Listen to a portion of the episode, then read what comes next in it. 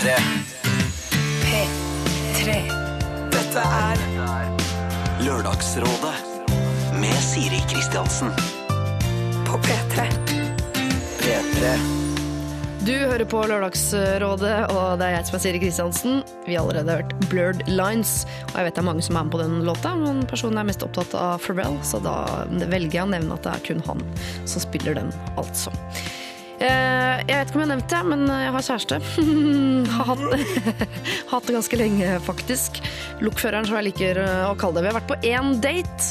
Eh, og lå sammen både før og etter den daten, skal sies. Men vi har hatt én sånn offisiell date, og det er jo noe av det verste jeg har vært med på i mitt liv, antagelig. Eh, Jeg husker at han kom opp trappa til leiligheten min i en sånn eh, hvit eh, piké, som er det verste plagget jeg vet om i verden, på både menn og kvinner. Piké, nei takk.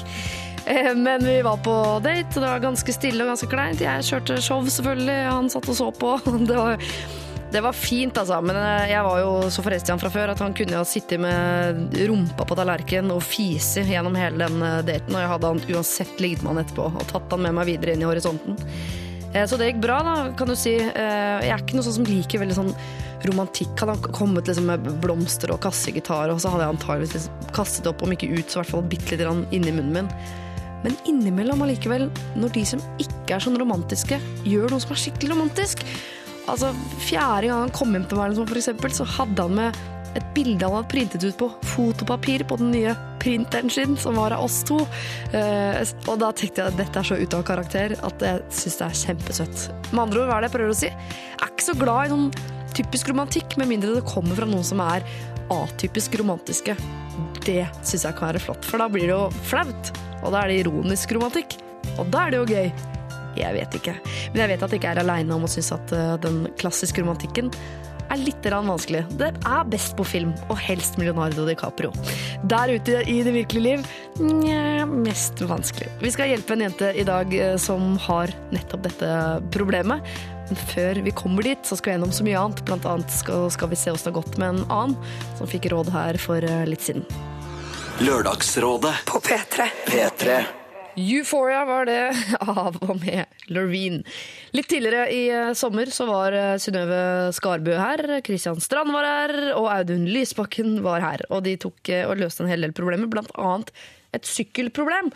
Altså en jente som hadde i den grad går an å finne en sykkel, Han observerte en sykkel uten lås utenfor hos eh, seg selv, og var interessert i å adoptere denne sykkelen. Men lurte på om det grenset til sykkeltyveri, eller om det rett og slett bare er sykkeltyveri. Hun trengte litt sånn uh, moralsk uh, veiledning på hvorvidt hun kunne ta over denne sykkelen eller ikke. Og heldigvis var Synnøve Kristianstrand og Lysbakken her, for de hadde nemlig følgende råd å komme med. Hvis det er et veldig sted, så kan det jo tenkes at eh, sykkelen står uløst fordi eieren regner med at det er helt trygt. I alle tilfeller så er det jo sånn at det hun er redd for, er at noen plutselig kommer og tar den sykkelen. Ja. Men det rettferdiggjør på en måte ikke å ta den sjøl. Og så Ja. finnes det noe sånt som heter Falken sykkelregister. Hvis du snur sykkelen opp ned, så under så er det et nummer på ramma som du faktisk kan ringe inn og så kan du spørre hvem det er som eier den. Det kan hende at det er naboen i første som eier den. Da kan du jo spørre kan jeg få kjøpe den billig. For det ligger jo mye sånn rask og ræl rundt omkring, så jeg ville synes det var hyggelig om noen plukket det opp, øh, polerte det litt og brukte det, istedenfor at det bare ble liggende Ja, men det var ikke så raskt etter det der. Det var bare et punktert hjul. Det vi ligger jo i veikanten. Jeg syns uansett det er for tidlig å gjøre noe som helst. Det Det er ikke gått ei uke engang. Hvis noen har satt den fra seg der, Ja. så vil de komme tilbake igjen for å hente den. Mest sannsynlig. Og Ja. da er nå hun i det området stadig vekk. Og det er mye lettere å bli ferska. Hadde det vært liksom en kilometer unna, så ja, kanskje Kanskje dilemmaet hadde vært litt annerledes. Dette er Lørdagsrådet. på P3. P3.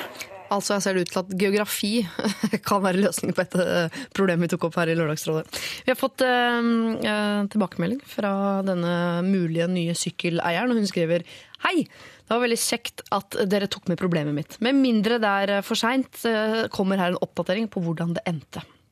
Få dager etter at jeg tok opp problemet mitt i Lørdagsrådet, fikk jeg vite at leiligheten jeg bodde i, skulle selges. Jeg var da eh, råda til ikke å ta sykkelen, siden jeg selv bodde i samme nabolag. Men da jeg fikk vite om flyttinga, fikk jeg brått en fiks idé. Dersom sykkelen fremdeles står der den dagen jeg flytter ut, så tar jeg den med meg. I en måned har jeg spankulert forbi hver dag uten at sykkelen har forsvunnet. Og i går skjedde det. I går ved mørkets frambrudd kom vi kjørende med en stor, hvit flyttebil, og der sto den fremdeles, den vakre, ensomme sykkelen. Jeg fikk brått dårlig samvittighet og følte meg som en fæl og råtten person som i det hele tatt kunne vurdere å gjøre noe sånt. Men my partners in crime overtalte meg til å glemme de vonde følelsene. Vi stoppa bilen, og med skyhøy puls var sykkelen kasta inn i lasterommet. Så kjørte vi en veldig lang omvei hjem. Så her sitter jeg, eier av en ny sykkel med dårlig samvittighet. Lørdagshilsen fra sykkeljenta som lever på kanten av loven. Det er veldig hyggelig. Eh, flere problemer blir det Lørdagsrådet i dag, og de som skal løse dem, er ingen ringere enn Kristin Vincents. Torbjørn Røe Isaksen er tilbake, og det er også Gunnar Greve. Da har rådgiverne våre eh, kommet eh, hit til Lørdagsrådet, og det er, som jeg allerede har nevnt, Kristin Vinsens, Gunnar Greve og Torbjørn Røe Isaksen. God morgen. God morgen. Eh, Jeg vil åpne med å bare spørre om dere har hatt en fin sommer. Veldig bra. Veldig bra. Det var en sånn taushet der med en gang. Fantastisk sommer. Ja. Ah, Er du, er du sånn som har ferie, Gunnar? Det er så. Du har sånn livsstil som jeg ikke skjønner om man kan dele opp i ferie og jobb. Nei, men Sommeren er jo litt høytid for, eh, for artistene. Festivalmillionene skal trille inn på konto. Så da er det litt vanskelig. Det går ikke an å sende fakturaen i, i slutten av juni og så komme tilbake 15. august og håpe de er betalt. Nei. Så det blir eh, nødvendigvis en del kontor i juli og august. Men ta det igjen i september og oktober. Men eh, skriver du timer hvis du står foran på konsert og ser på en av artistene dine og har kanskje tatt deg en øl eller to? Skrive timer, det eksisterer ikke, det begrepet der. Nei, ok. Men anser du det som jobb? Eh, Ja, men det blir jo noe midt imellom. Men jeg er ikke så mye rundt på festivaler. Altså, det blir mest eh, kontorjobbing, faktisk. K Koster det ekstra hvis noen for eksempel, hvis du skal ha sånn knuse gitaren på Hvis noen skal gjøre det? Altså Hvis du skal ha Ha litt sånn ekstra rockeshow, da, altså, hvis du betaler en rørlegger, så betaler du ofte litt mer for å få finere rør eller noe sånt. Det er vel stort sett omvendt at artisten ender opp med en, eh, med en litt kjip faktura okay. eller, eller et lite trekk i honoraret. Så du kan Men, ikke si sånn jeg betaler 20 000 ekstra, altså jeg har liksom knuste gitarer og kanskje samleie på scenen eller Nei, jeg har ikke vært borti det. Men det er lite sånn gitarknusing. De rapperne de er liksom, det er en, eh, Ja, det er to problemet. platespillere og en mikrofon. knuser du. miksebordet, da. Det er ikke så Det er litt hellig, vet du. Det er deres førstefødte på det der miksebordet. Så det får stå i fred, det er alltid noen morsomme historier i løpet av en sommer. Det er det. Det er jo underholdende å følge med alle disse her rundt på veien. Men det er jo ikke noe sånn eh, For noen år siden så var det mye sånn Jeg husker da jeg var ung, så var jeg på Kvartfestivalen, som nå er nedlagt, og så Ja. blant annet Dark Side of the Force, som var sånn norsk hiphop-band fra Kristiansand. Ja. Og da var de i sånn skikkelig heftig kamp. Da var det liksom den sånn battle-beefen i USA hadde kommet til Norge for et par somre, da. Ja, Hvem battlebeefa de Jeg med? tror, de, det var liksom, jeg tror det var sånn T Productions og sånn. Det var Men det, mye omtalt i hiphop-krigen med Christer Falk og ja, Dark Side of the Force. CNC, og- og CNC Records, ja. Men det er ikke noe nå. Nå er det liksom, det er ikke noen som går etter Carpe Diem. De er jo liksom på toppen, da. Det er jo liksom, for Karpe har jo opp, liksom, de har jo, har jo personifisert eh, jovial image i norsk rap og, og ledet an som, som stjerner eh, i, i en sånn hiphop-verden som er blitt helt tam og ufarlig. Det er jo ingen skyting eller ingen eh, beefer eller ingenting. Det blir bare- det kan- på en måte så kan det jo egentlig kanskje være det, det, det, det er litt kleint å påta at hver gang det blir en sånn norsk hiphop-beef, ikke det?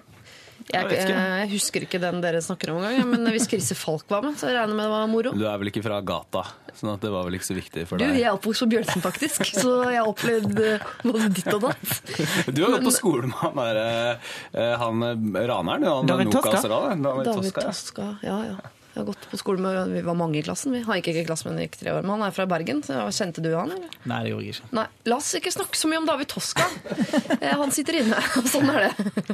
Men eh, jeg skal spørre også, som jeg alltid gjør på begynnelsen av eh, disse eh, lørdagsrådene. Det er altså sivil status, og det er ute etter eh, forhold, type bolig, barn, dyr, hytte, bil, lån osv. Må ikke svare på alt. Plukk fritt, og lag en, nydelig liten CV. Torbjørn. Ja, jeg er gift, eh, ingen barn, Jeg har en, eh, et lite hus i Porsgrunn eh, og en leilighet på Bjølsen som skal selges. Yeah. Nå snart, så bare følg med i avisene. Den skal selges nå eh, Ja, da har jeg ja. Skal gå over med et lite strøk maling før du legger ut den? eller? Det, det Du har jo vært der. Ja, eh, jeg hørte, litt men eh, kan vi ikke bare la være å snakke om det? Ok, greit. Den skal selges. Lykke til. Kristin? Ja, eh, nei, det ble ikke noe ny kjæreste denne sommeren heller, så jeg bor alene på Alexander Kiellands plass i Oslo. Og jeg er egentlig fornøyd med det. Kanskje jeg skal gå på visning på Bjølsen Ja. senere i er høst. Vi får se. Veldig fin beliggenhet. Ja, så hadde det vært veldig hyggelig å bo i ditt eh, Altså der du vokste opp, da. Ja, ja. Den blokka er jo en av de få tingene som lå der når jeg vokste opp. Alt rundt er jo nytt, nesten. Du har ikke fått sånn minneplankett som det står sånn 'Her bodde Herman Wildenvei' og sånn. Det har ikke du fått ennå. Her bodde Siri Kristiansen i Nei, men det er, sine barndomsår. det er på trappene nå, føler jeg. Det er på trappene nå. Når Lørdagsrådet kommer på TV, da, da får du det. Da regner jeg med at det skjer noe på Bjølsen.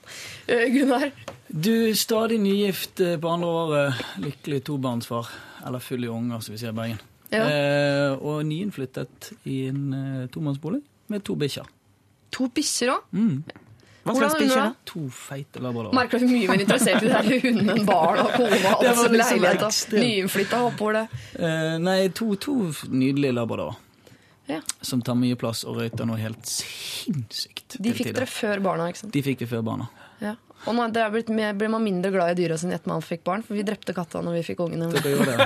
Det det er mange som spurte sånn i forkant ja, hva gjør dere med bikkjene nå når dere får barn. Ja. Så det er jo liksom eh, en eller annen oppfatning av at det de ikke skal gå i hop.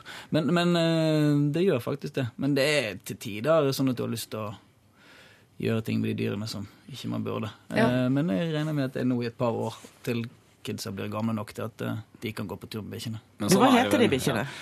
Hvorfor spør du om det? Nei, jeg syns det er interessant. Det er ikke jeg som har gitt dem navn. Oh, ja, lov? Nei, Karisma og Augusta. Det er kona som har eh, Det, det lukter og er det altså. Omtrent, eh, omtrent så teit som hundene pleier å være. Litt. Karisma. Er det, men heter barna mine Har barna mine van, mer vanlige heter- eller de har- rarere navn enn Har oppkalt uh, ungene mine etter bikkjene. De har det som mellomnavn. Det hadde vært fint. Eh, Sapt også, er dere romantiske? Nei. Ja. Én romantisk, to ikke fullt så romantiske. Det er sånn man blir av å ikke være gift, sikkert. Så du sitter hjemme på Alexander Kiellands plass alene og er romantisk? Drikker rødvin og spanderer glatt på seg sjøl? Sitter på på noe soft soft-musikk. Du tar alltid regninga når du er ute og spiser. Ja. Å, det er så romantisk. Koselig. Eh, Vi skal hjelpe en uh, som er helt elendig på romantikk. En jente som bare fniser og ler hver gang noen prøver å være romantiske med henne. Så hun ødelegger enhver potensiell romantisk setting. Det skal vi se om vi kan klare å, å gjøre noe med. Hvis du som hører på har et eh, annet problem, så uh, tar vi det imot. Altså. Send det på mail eller alfakrøll nrk.no. Dette er Lørdagsrådet På P3. P3. Du hører på Lørdagsrådet, og vi skal nå eh, prøve å hjelpe Ingeborg. Eh, Gunnar, Kristin og Torbjørn. Gunnar som i Greve, Kristin som i Vincents og Torbjørn som i Rød Isaksen. Hei, jeg har problemer med å være alvorlig i romantiske situasjoner. Jeg er fryktelig redd for klisjeer og kleinhet, og er alltid ironisk og tullete, og klarer ikke å ta ting alvorlig, da. Så hvis jeg er på date eller har med meg noen hjem fra byen, så kan jeg bli veldig fnisete og tulle vekk alt som bare gjør det mer kleint. Jeg vet ikke om dere har sett den episoden av typen til der Leo Ajkic er typen til Else Kåss Furuseth. Hun fniste og lo av alt som skulle være romantisk, for hun klarte ikke å ta det alvorlig. Sånn er jeg. Hvordan skal jeg bli bedre på å være genuin og oppriktig i romantiske situasjoner uten å være redd for at det skal bli klisjéfylt? Hilsen Ingeborg. Noen som kjenner seg igjen? Ja, litt. Blir du fniste, Jeg blir veldig fnist. Nei, men det er jo veldig Det er jo veldig kleint, da. Er det ikke? Altså sånn Romantikk er jo ofte Altså, det er jo bare jeg, Det er veldig kleint. Det er liksom flaut. Hvorfor er det så flaut, da? Fordi at det er eh, så Fordi at hvis man ikke Jeg tror det er det at hvis man ikke føler det eh, på samme måte som stemningen skulle tilsi, så blir det eh, da, da føler man seg skamfull. Og da er det flaut. Man er redd for å tape ansikt. Ja, kanskje, for å si det med, hvis du skal si det på liksom asiatenes vis, så er man redd for å tape ansikt. Jeg liker, jeg, altså jeg formulerer meg helst asiatisk hvis jeg har valgmulighetene. Men det er jo Ingeborg egentlig litt eh, slem, da, for det er sikkert mange gutter som kanskje har prøvd å gjøre det romantisk, så sitter hun bare og fniser og ødelegger, og så føler vel de at de taper ansikt da. Men jeg tror, altså, det, hun må jo på en måte tenke på det at eh, hvis hun skal Hvis hun syns det er kleint, og hvis det er kleint, så er, er hennes Nei, nå er jeg helt ute på vidden her. Jeg kjenner at jeg er en håpløs romantiker, har ingen gode råd i det hele tatt å komme med denne saken her. Jeg tenker kanskje at hvis hun eh, alltid tuller og alltid er ironisk, så burde hun kanskje gå litt i seg sjøl. For da må det være et eller annet inni henne hun prøver å dekke over til enhver tid. Det er vel ingen som bare tullere og er ironisk absolutt hele tiden. Dessuten så syns jeg jo at eh, Jeg har aldri hørt om noen før som bare blir liksom nedrent av romantiske menn, så jeg vil gjerne vite hvor hun finner det. Helt enig. Men vet du hva, jeg syns ikke Jeg, syns- jeg syns ikke at hun skal eh, liksom, ligge om i det hele tatt. Jeg synes hun skal, altså Hvis det er sånn Det er klart, det, er, det går en grense, da. ikke sant? Hvis det er sånn at du, du finner en du ordentlig liker, og så ender du opp med å liksom ironisk gifte deg, så har det gått for langt. da. Eller hvis Ja. du liksom fniser under bryllupet, for det, altså alt er bare ironisk av avstand. Ja, dette er de folka som danser hiphop ned kirkegulvet istedenfor å kjempekult om vi gifta oss. Ja, ja, ja, det burde vi gjøre. Og sånn. så, men fram til det så er det ikke noe altså, Det er jo, jo ingen, ingen vil jo ha en romantisk første date. Vil man det? Eller liksom date romantisk. Skal ikke det være gøy og kult og morsomt? Jeg vet ikke, Kristian, Hva... Jeg vet jo ikke helt hva hun legger i romantisk. Hun får det jo til å høres ut som alle hun møter, lager sånn hjerteformede, svære greier av Roser og, og og, strykekvartett og en veldig, veldig sånn eh, De situasjonene hun tenker på det beste må være å egentlig si det. ikke det? Hvis du sitter med en som du føler er en litt sånn uh, klein, eh, romantisk beiler. Vet du hva, Jeg syns sånne situasjoner som dette er helt håpløse. Jeg blir helt satt ut av det. Jeg føler det er svulstige klisjeer og floskler. Det er bedre å, å, å, si det enn å, enn å bare sitte og fnise. ikke For det må, jeg tenker at man har noe med oss at det virker litt sånn uekte. For jeg har sett så mange ganger på film at når vi opplever virkeligheten, så tenker vi sånn Er ikke dette sånn de gjør på film? Nei, det er ikke sånn vi driver med Men det, hun, hun nevner jo også at uh, det skjer når hun har med seg folk hjem fra byen. Ingeborg. Er det en Ja. Eh, og det er, nei, det er liksom sånn der, altså Jeg vet ikke hva slags folk hun tar med seg hjem på byen, men de der liksom eh, folka, guttene du drar hjem fra dansegulvet sånn kvart over tre på natt til lørdag Ja. Hvis de da liksom mekker opp roser og fireretters middag Kanskje de, med ost kanskje de eh, så er skriver det et 'Jeg problem. elsker deg' i ketsjup på den litt sånn eh, tør, tørrkokte Grandiosaen. Eller, Nå ser jeg for meg at de skriver 'jeg elsker deg' på altså, med osv. i etterkant. Men la oss ikke gå dit. Jeg var fikk Men jeg- ordentlig stygge bilder i hodet. Det Jeg tenker at det, det kan være litt som å Jeg syns i hvert fall det er veldig vanskelig å ta komplimenter. Begynner å snakke om noe annet. Rødmer, eh, Ja. stikker. Jeg syns det er utrolig kleint. Og litt sånn kan det kanskje være når folk du ikke kjenner så godt, og du ikke vet om du vil møte det igjen en gang, skal begynne å være romantisk. Så jeg tror litt på det du sier, Gunnar, om å bare være ærlig og si at akkurat det her funker ikke for meg. Kanskje hvis hun får- møter noen og blir ordentlig kjent med dem, så kan hun ta imot eh, litt av den eh, romantiske innstillingen han eventuelt måtte ha. Men tror vi at Ingeborg kommer til å ende opp med en romantisk fyr? For jeg har jo inntrykk av at de fleste, eller veldig mange syns at dette, den typiske romantikken er litt sånn klein. Og hvis du er en sånn som syns alt romantisk er veldig kleint, dikt og sånne er- ting er kleint, blir du sammen poet med kassegitar da? Det er jo litt problemet her, at vi liksom definisjonen av romantikk er eh, dikt og roser og esker med sjokolade og st altså, Det er jo ikke det som nødvendigvis er definisjonen av romantikk. Eh, å fnise og ha det morsomt og ha det kult på første date må være en, en hen, mer hennes definisjon av romantikk, og da må hun kanskje finne noen som, som deler det synet på det, og ikke lete etter en sånn ungkaren-blåkopi som, som Du har løper rundt i dress og limo og roser hele tiden. er, har dere sett den filmen som heter Reality Bites? Det er en sånn 90-tallsfilm med Ethan Hawke og Winona Ryder og sånn. og Der går det, det er en veldig romantisk scene der hvor han, eh, Ethan Hawke og Winona Ryder går, og så deler de på en pakke røyk og en eh, kaffe. Ja. Så er det sånn you, me, a couple of coffees and a pack of cigs, eh, smokes eller noe sånt. Det er veldig romantisk, vet du. Ja. Mye mer enn sånn stearinlys og Lady og Landstrykerne. Men du nevner jo sånn. Ingeborg her at det er klisjeene hun er redd for. Og hvis vi skal i romantiske klisjéretningen, så er vi over på kassegitar og poesi og ja, de greiene der. hvis hun ikke vil ha klisjé, så burde hun la være å ta med seg folk hjem fra byen. Seriøst. Ja, kanskje. Men hvis hun, hun er jo et, i bånn her, så er Ingeborg på jakt etter kjærlighet, men føler kanskje at hun ødelegger alle sånne situasjoner hvor det er i ferd med å skje noe. Da. Er det noe råd vi kan gi henne for at hun skal liksom bare holde ut gjennom de litt kleine tingene som kan dukke opp der? Men jeg synes det høres ut som hun er altså, en ting, Hun er redd for romantikk, men jeg lurer på om Kristin hadde noe litt rett der. For når jeg tenker over at hun er redd også fordi hun tar med hjem fra byen, det er jo ikke altså, det, hvis ikke det er noe helt eksepsjonelt med henne eller hennes leilighet, eller noe sånt, så er jo ikke det spesielt romantisk. Så da virker det som hun kanskje prøver å fnise vekk alle intime situasjoner. Ja, det kan nok hende. Det var førsteinntrykket, ja. Ja. Ja. Og da gjelder det kanskje bare å begynne å kysse før man får sjanse til å fnise. Da. Jeg vet ikke. Og at hun skal angripe situasjonen. Jo, jo, jo, det er ikke så dumt, eh, det. Hva gjør du da, Kristin, siden du syns, eh, du syns jo ikke dette med romantikk er så kleint som opptil flere andre her i dag? Nei, men jeg blir jo ikke nedrent av, av sånn og landstrikkeren-situasjonen heller, og ikke driver med one night stand, så kanskje, det akkurat, kanskje vi burde bytte liksom, posisjon. Ja, Kanskje eh, Ingeborg som skal gi deg råd isteden? Ja. Det. Dere skal møtes på midten et eller annet sted. Uff, Ingeborg, eh, jeg vet ikke hva vi skal si her. Jeg, tror nok eh, at du skal fortsette å fnise og kose deg og da finne opp din egen romantikk. Du trenger jo ikke å gå i de der klisjéfellene som vi ser på film, med poesi og kassegitar og i det hele tatt. Men kanskje nettopp du skal se at det er romantisk. At dere fniser sammen, har det gøy sammen. For da er du en sånn jente, da. Da må du finne en sånn gutt. Og du trenger ikke gå ned den der klisjéstia. Der er det nok folk fra før. Eh, lykke til, Ingeborg. Eh, neste gang vi prates, så er det du som gir eh, råd, og Kristin som har problemer. P3. Kaffen sendes rundt eh, bordet. Torbjørn eh, Røe Isaksen skjenker oppi til Gunnar Greve. Innbiller jeg meg en altså. situasjon som ikke foregår Veldig så ofte ellers. romantisk, egentlig. Kristin får litt kaffe, og vi koser oss. Klarer dere å høre på et problem mens dere holder på? Oh, Ja. Hei, jeg er en jente på 26 år som er samboer med mitt livs kjærlighet. Også han er 26. Vi er en familie på tre, da med en datter på fire år.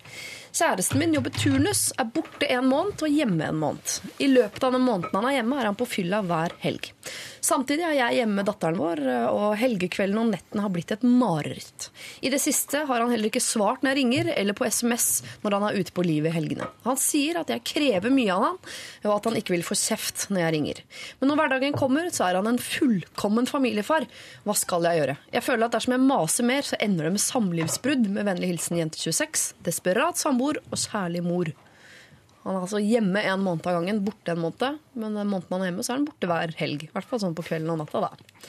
Og drikker og koser seg. Er det OK? Høres ut som hun er sammen med en rockestjerne. ja. ja. Er det Altså, nå og så går jeg rett til Torbjørn Røe Isaksen på rockestjerne, men du, Ja, altså, som er politiker så reiser du jo mye. eh, Politiker, ja. ja. Uh, nei. nei, men vet du hva, det er jo ikke OK. Eh, altså virkelig. Men, det jo, men jeg vil jo da si, bare for ikke eh, At det kan jo hende hun eh, For det jeg skjønner jo er at altså det å ringe når han er ute, det er faktisk ikke Det er, det er veldig tullete. Altså Hvis han er ute med kamerater, må man anta, da, så Ja. kan ikke han liksom gå ut av rommet for å prate. Hvis ikke det er noe viktig. Men nettopp derfor SMS, da? ja, altså jo SMS, men, da, men, men liksom i utgangspunktet så mener jeg at man burde, burde være sånn at eh, sant, Poenget han er åpenbart for mye ute. Ja. Men samtidig så, så han må liksom få lov til å være ute, men da må han få lov til å være i fred hvis ikke det skjer noe alvorlig med barna. eller noe sånt da. Ja. Ikke sant? Men, mens, mens han kan ikke være ute hver eneste Han kan ikke være ute liksom fredag og lørdag og kanskje liksom pilse litt på søndag også. Hver helg han er hjemme. Det går ikke an. Nei. De må jo ha tid til litt romantikk også. Er det, mye, det er helt sikkert mye av dette er eh, det miljøet du frekventerer, Gudar. Sier du det? Ja. Nei, men Jeg tror ikke liksom, det er så viktig å si at det er ikke OK.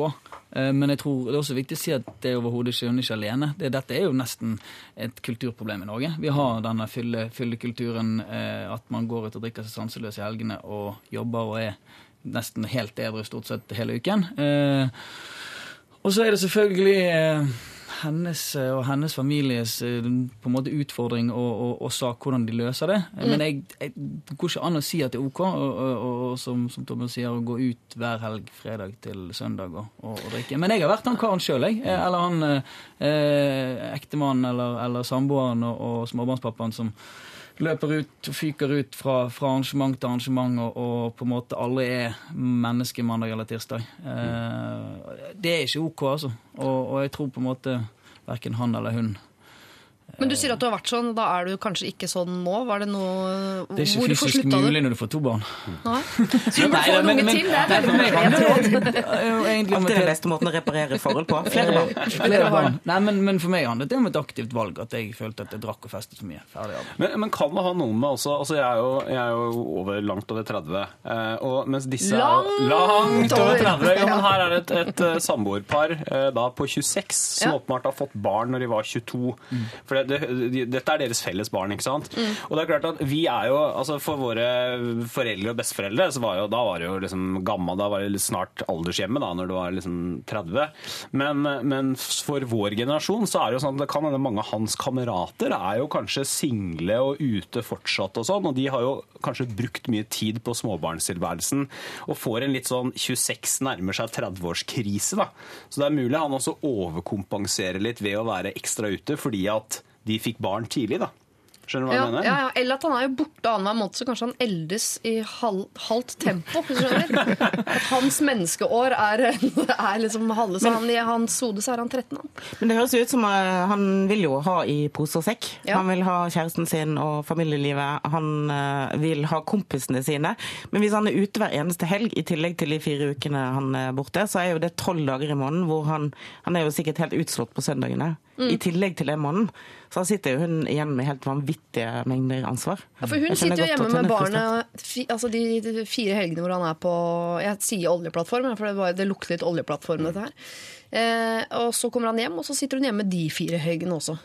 Og det er jo ikke Hun kommer til å klikke til slutt, for hun må jo også få lov til å være sosial utover å drikke kaffe latte fra tolv til ett. Det handler jo også om hans forhold til den ungen, tenker jeg. Hvis du aldri ser faren din i helgene. Men han så- så- ser han jo hele, ikke sant? han ser han jo hele uka. Da er jo han hjemme hele dagen. ikke sant? Med Ja, er han fire gammel, ikke sant? familiefar. Og følger sikkert i barnehagen og lager matpakke og henter i barnehagen og sånn. Men jeg mener at det går an å få altså det går an å få i pose og sekk, så lenge ikke pose og sekken De kan ikke være like store som Ok, veldig rotete bilde. Poenget er at man, man trenger ikke å gi opp, er tror jeg, da. Og det er også erfaringa fra mine kamerater og venninner som har fått barn. De trenger ikke å gi opp vennene sine av den grunn. Men du må liksom nedprioritere. Du kan ikke være ute hver helg. ikke sant? Det er det som er nøkkelen. Det Så det går an å være ute liksom par fredager i måneden. Kanskje til, og med, eh, kanskje til og med et par fredager og en lørdag. ikke sant? Et eller annet, Den balansen får de finne sjøl. Så det er jo bare et eller annet med Men du trenger ikke å liksom låse deg inne i kjelleren og bare være med barna og aldri det, se det kamerater. koker ned i en enkel setning. Alt med måte. Eh, og det er, det er litt sånn, det trenger ikke være alkoholen her i problemet, at han fester og går på byen. og Det er nok mange som på en måte har det samme. Det kan være andre ting. og, og altså, Jeg jobber nok for mye i forhold til hva jeg burde. Og, og, og på en måte min kone og mine barn kan lide under på en måte samme problemet ved at jeg fyller livet mitt med altfor mye jobb. Så, så det handler rett og slett tror jeg om at man i fellesskap må må rett og slett, Når man har en familie, man har eh, et liv og noen forpliktelser som, som, som ligger til grunn for det, så må du på en måte gå på en løype. Hvordan, hva er vekten? Hvordan kan vi balansere dette regnskapet for å få det til å gå i mål med pluss? Liksom? Og hun er helt sikkert enig med både deg, Gunnar, og Torbjørn og alle her, men poenget er at eh, det virker jo ikke som han helt. Hvordan skal vi få han til å skjønne dette? da? Men jeg synes det virker som uten at Det er kanskje litt urettferdig, da, for det, hun forteller jo eh, altså Det er litt urettferdig mot henne å si at hun angriper det på verst mulig måte. Men hvis man setter det litt på spissen, da, så mener jeg at hun gjør det. For at, mm. hun, ikke sant, Det virker som hun da prøver å signalisere du er for mye ute gjennom å liksom ringe når han er ute og sende SMS, og så blir liksom irritert når han ikke svarer og sånn. Og det, er, det blir håpløst, for at da er han Han tror han da er ute, mens hun mener at han egentlig burde vært hjemme. Så det er mye bedre å liksom si vet du hva, du skal være ute av og til, og så, og så, og så skal du få være i fred. Da, da trenger jeg ikke å ringe bare for det liksom, minstemann gulpa på sofaen eller noe sånt.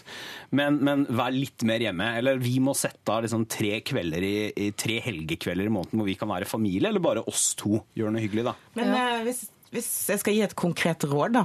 eh, s- har hun venner? Altså, Jeg ville jo lagt opp til en masse helger og dratt til Paris eller eh, New York eh, eh, med venninnene mine for å liksom komme helt bort og få litt ut av den tiden sjøl og vise han hva som skjer når man er alene hjemme en helg.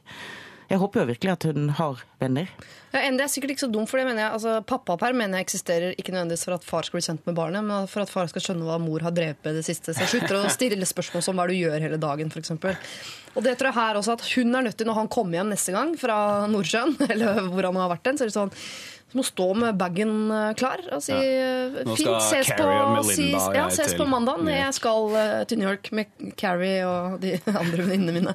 Eh, Så får han se hvor gøy det er å sitte hjemme da med en ostepop og dårlig TV. Jeg tenker ikke bare som hevn, men også for å faktisk være sosial. Han har det jo sikkert kjempegøy eh, når han er ute med kompisene. men der er jo er ikke en forskjell. Det er litt på altså mange Jeg tror nok eh, flere kvinner enn menn føler at det blir liksom mer naturlig å bygge også sosiale livet sitt rundt barna når de får barn. Mens mange menn tror jeg har fortsatt litt det der kameratbehovet. da. Det blir ikke borte. og Det er derfor man sier liksom at menn er så barnslige helt til de blir 40. Ja. Men det er fordi man har litt det der kameratbehovet. Jeg vil snu det og gi det som kompliment til menn og si at dere er flinkere til å ta vare på barndomskompisene deres enn det jenter er. Vi flyr jo bare videre straks det lukter godt et annet sted, men dere er ganske flinke. Hvis dere har spilt fotball sammen i mer enn 20 minutter tidlig på 70-tallet, så, så, er det nok derfra ut, liksom. Tidlig på 70, Det er veldig lenge siden. Det er ganske lazy. Men bare for å gjøre det litt romantisk, da. Eh, Men hva sier vi da til uh, jente 26, desperat samboer og særlig eh, mor? Er ingen som har foreslått eh, noe kommunikasjon eller å ta en prat, f.eks.? Er det Ja, men er det ikke det vi har sagt, egentlig? egentlig? De burde vi sette seg ned og egentlig gå litt opp løypen for hva, hvilke behov har hun, og hvilke behov har han. Jeg tror ikke nødvendigvis løsningen er at han, hun står klar med en full, fullbooket kalender når han kommer hjem neste gang, for da får du bare eh, Det er på en måte angrep på det beste forsvarstaktikken. Den funker sjelden i parforhold. Eh, Så jeg tror det er liksom utgangspunktet. Sett dere ned og prat. Altså, må man aldri sånn overvurdere eh, Eller undervurdere Man kan aldri undervurdere menns evne til å få ting med seg. Altså, det er ikke sikkert at han, Hvis hun bare liksom ringer og sender SMS og er litt gretten når han kommer hjem, og sånn, Mm. så er det ikke sikkert han har skjønt at Oi, problemet er at uh, samboeren min syns jeg er litt for mye ute. Og så kanskje hun skal eh, snu problemet og si at, eh, ikke si eh, du er for mye borte, men heller gjøre det om til et ønske. Sånn, jeg har lyst til å være mer sammen med deg. Jeg skulle ønske vi kunne ha en fredag sammen eller en lørdag sammen. Eller kanskje de to kan gå ut, hvis dere er så heldige å ha barnevakt. Eller kanskje hun da kan dra til Paris, eller hvor vi ble enige om at hun skulle hen. Syns du skal legge inn en helg med Carrie og Melinda i New York. En liten helg. Ja, eller med liksom Laila Trude i Son, på et hotell i Son ved sjøen, f.eks. Også være litt forsiktig med det son-dissinga di. Du disse er ikke Son i det hele tatt nå. Det er masse Son. Det er fin, det er sånn kystlinje. Det er Kan de spise på oliven og kose seg? Ja, ikke sant? Ta en tur det ned lysløypa, som vi kaller det. da. poenget er, man trenger jo ikke, Det er ikke liksom alle som bare vipper opp bagen og drar til Paris. Så mitt poeng sånn kan ha litt mer ydmyk. Ja, takk. takk. Eh, du, dette her uh, Dette må snakkes om, Uh, og så må du formulere det på en sånn hyggelig måte. Og så Kanskje du skal la han være i fred da, hvis, hvis det nå blir sånn at han ikke går ut hver eneste helg. Når han først da går ut, så kanskje du skal ikke ringe så mye, ikke sende mye SMS. Jeg er sikker på at du også får mer ro oppi hodet ditt faktisk, hvis du bare lar telefonen ligge og gå og legge deg og sove til dagen etter og håpe at det ordner seg. Det gjør i hvert fall vi. Lykke til. P3. Avicii sammen med Allo Black, det der var Wake Me Up. Jeg hadde en gang en eh, leieboer. Eh, han eh, var av den ikke så hyggelige sorten. Altså, han bodde ikke hos meg, da. han leide min leilighet. Jeg bodde et annet sted. Vi krangla mye per mail. og en dag så sa han til meg på mail, for han var så, så eitrende sint. Jeg var antakeligvis enda sintere, for han hadde ikke betalt husleie. Og da skrev han blant annet en mail. Jeg er så sint at passet mitt koker! Det syns jeg var veldig morsomt å se for meg kokende piss. Så jeg smilte et lite øyeblikk, og så ble jeg sur igjen, da. Rett etterpå. Vi skal til et passeproblem, men eh, det er, eh, og det er også innsendt på mail, for så vidt. Men det er en eh, annen type passeproblem, altså. Det er, får du høre hvert øyeblikk. Vi skal høre Mr. Little Jeans først. Dette her er O Sailor. Lørdagsrådet På P3. P3. Lørdagsrådet i dag består av eh, Kristin Vinsens, eh, Torbjørn Røe Isaksen og Gunnar Greve. Og dere har hatt to litt sånn eh, eh, tunge kjærlighetsrelaterte problemer. Skal få et litt mer sånn Kall det gjerne hverdagslig. Det kommer fra Fauske. Mitt problem er folk som står i veikanten og pessa, og gjerne uten å skjule stellet sitt. Sender en hilsen til mannen som sto og pissa på tur mot Bodø, rett etter Fauske. Pent blunkefjes. Eh, dere har alle sett dem? Ja da, de står der bak et tre og tisser, men det er ofte det man, menn tror at de skal skjule selve kroppen, altså stammen, men at rumpa stikker ut bak og tissen foran, vel, det er ikke så nøye. Og dette er det noen som syns er litt vanskelig.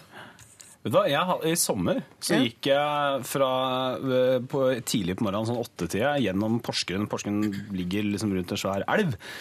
Og der sto det på brygga så sto det en mann, og jeg liksom gikk eh, Så sto det en mann på brygga og tissa med og da eh, rumpa ut mot elva, hvor det ikke er noen mennesker, og utstyret inn mot byen. Hvor det er masse folk. Og jeg gikk forbi, og så må det liksom sånn Og det var bare oss to der. Ikke sant? Det var klokka kvart på åtte på morgenen, eller noe sånt. Og du må jo liksom si noe. Ja. Så da, må- og du må liksom Hva sa si du? noe Nei, jeg sa noe sånn jovialt sånn eh, Ja, det er godt å få det ut, eller noe sånt. Dette må til. God historie, men enda bedre historie fortalt fra han. Jeg sto og pissa ned på brygga i Porsgrunn, så kommer Torbjørn Røe Isaksen forbi, og hva sier han? Jaså, det må ut! en annen gang så, så, kjørte jeg på en, så kjørte jeg på en båt sammen med Erna Solberg og Per Kristian Foss og flere andre. Og så var det noen som hadde sex inne på Svaberget i Oslofjorden. Oslofjorden. jeg trodde du skulle si i båten. Nei, ikke i båten, men så kjørte vi forbi, og så så de at liksom Erna Solberg og Per Kristian Foss sto der, og så vinka de. Og så vinka Erna Solberg og Per Kristian Foss med flere tilbake. Men tenk deg igjen, når de forteller historien til hverandre. Vi lå lå samla på og brygga, kom- og så kom liksom Erna Solberg flytende forbi på en båt.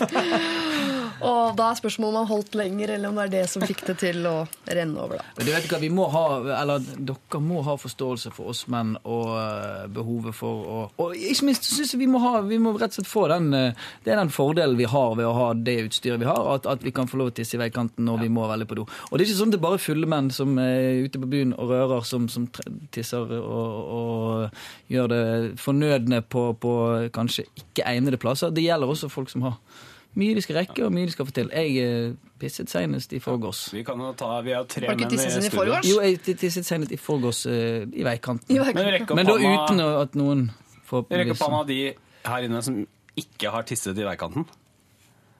Ja, det er da én. Det er ganske imponerende. altså. At du Hvordan- ikke har gjort det. I veikanten? Men, Kanskje altså, det er litt når mamma holdt meg sånn, du vet, i sånn der, eh, holder deg under knærne. Men du, står, du, altså det, jeg synes jo det, du er temmelig urutinert hvis ikke du klarer å, å Hvis du står med rumpen ut og, og utstyret for full Nei, Det høres liksom ikke ut som du har gjort dette mer enn hvorfor må rumpa fram, liksom? Det skjønner ikke jeg. Det er mange som slipper buksa helt ned. Ja, det- Da er vi på den fulle kategorien det. Men er det veldig mange som står og pisser i veikanten? i- Var det Fauske? Fauske, ja. Der er det mye alle har hørt. Jeg tenker at vedkommende aldri må dra på Roskildefestivalen i Danmark. Jeg tror jeg har vært der veldig veldig mange ganger, og dette er veldig ekkelt, men det støvet som er der nede Etter hvert så blir det kalt for urinstøv, for Ja. der pisser folk eh, overalt. Men etter å ha vært der, så bryr man seg virkelig ikke om menn som står og pisser i veikanten. Men det er jo Man kan rart, jo fordi være Det se er rådet. på. Dra til Roskilde, så blir ikke Det blir kurert. så blir det Fauske plutselig første gang jeg var på Roskilde, så husker jeg vi fant sånn sinnssykt Vi kom litt seint, så var det sånn vanvittig bra teltplass der. Skjønte, hvorfor er det ingen som har tatt den her? Og det skjønte vi jo etter konsertene første kvelden, for det var liksom langs pissesporet. Så vi liksom Vi så jo kom tilbake til teltet, og da var det liksom allerede lå det en liten sånn elv av urin. Du har vært der, du òg, ja. Mm, Men du, vet du hva jeg lurer på om, om For det, hvis det er veldig mange fauske som såkalt da tisser, nå gjør jeg sånn hermetegn, Ja. med rumpa bar, Ja. så kan det hende at fauske har et blotterproblem. For det er ingen grunn til at voksne menn som tisser, skal liksom dra ned hele buksa og boksershortsen. Mindre du har veldig fin rumpe. da, tenker at det er en slags samfunnstjeneste. Kanskje det er en kulturell ting der. Men det er vel uansett ikke så mye vi kan gjøre med alle de som står eh, og tisser i veikanten, annet enn å si høyt på radio at prøv å skjule stellet litt bedre. Men for jeg har nemlig lurt på det. For jeg, men, altså, jeg, jeg ser jo menns penis titt og ofte, jeg også, når jeg er ute i parker og hvor det nå måtte være. Også på internett, ja. Eh, Men er det plutselig ikke flaut å vise altså, man, har- Vanligvis syns man det er litt flaut å bli tatt med buksa nede, men det virker som idet man tisser, så syns menn at det, er, det behovet er så sterkt at det, da noen ser tissen din, så er det ikke så Ja, så men du har vært tissetrengt, du gjør sånn skikkelig, skikkelig tissetrengt. Ja. Da er liksom, eh, du senker litt sånn standarden eller kravene til, eh, til omgivelsene og hva, hva du kan eksponere de for, tror jeg. Men jeg tenker, altså, hun, hun må jo ikke Det går an å snuse vekk. Man må ikke se på. Når du kjører bil? Da jeg satt på, på toget til Bergen forleden, og han eh, på skrå foran meg satt og leste et pornoblad, så hadde jeg på en måte ikke noe valg. Det syns jeg var verre. Sender en hilsen til deg. Det der må du slutte med. det, kan, dette, kan dette være et geografisk betinget problem? Eh, for det, i deler av Nord-Norge så er jo altså det er mye fjell og litt mindre skog. Nå, Mindre nå, jeg har vært i Fauske, da, eh, men nå husker jeg ikke om det er mye sånn altså Nede på Østlandet og Vestlandet så er det mye kratt, og du går liksom inn litt i skogholtet. Ja. Men hvis det er litt sånn bart, så er det Snaufjell, vanskelig. liksom. Snaufjell. Ja. Og da, er det, da har du ikke den lille busken som mennesket helt siden Adam og Eva da, har brukt for å skjule eh, Tisseriet sitt. delene. Tisseriet sitt, ja. Tisseriet. Nei, jeg syns at hun faktisk Vet du hva, jeg, dette her er ikke Det det er et større problem hvis mennesker skal begynne å tisse i bilene sine. Mm. Eh, Det er livsfarlig. ikke sant? Tisse i flaske eller noe sånt. Eller hvis, tenk hvis skattebetalerne skal måtte liksom sette opp eh, sånne nye doer overalt eh, hele veien. Det vil jo koste mange hundrevis av millioner Mm. som vi kunne brukt på syke og eldre og skattelette til de som har aller mest fra før. Vi har noen råflotte designvasker nå til overs som kan sette sånn, sånn urinaler oppover langs diverse riksveier. Nei, vet du hva, eh, kjære eh, Bodø, Fauske, Nord-Norge, eller Norge, verden eh, generelt. Folk må få lov å tisse, altså. Kan ikke bare si det sånn. da. Men prøv å ikke dra buksa helt ned. eh, hvis ikke du har veldig fin rumpe. da. Jeg syns det kunne vært ålreit. Ja. Og prøv å skjule sted. For jeg, altså, jeg er litt uinteressert i å se mannetiss sånn ofte. Eh, Når jeg ikke oppsøker det selv. Så dere kan godt prøve å snu dere vekk, i hvert fall ikke inn mot brygga f.eks. Så det er fint at du står med tissen vendt bort fra veien, for eksempel, og ikke inn mot E6 for eksempel. Sånne ting. Bare ta, ta litt sånn hensyn der du står og passer. Dette er Lørdagsrådet På P3.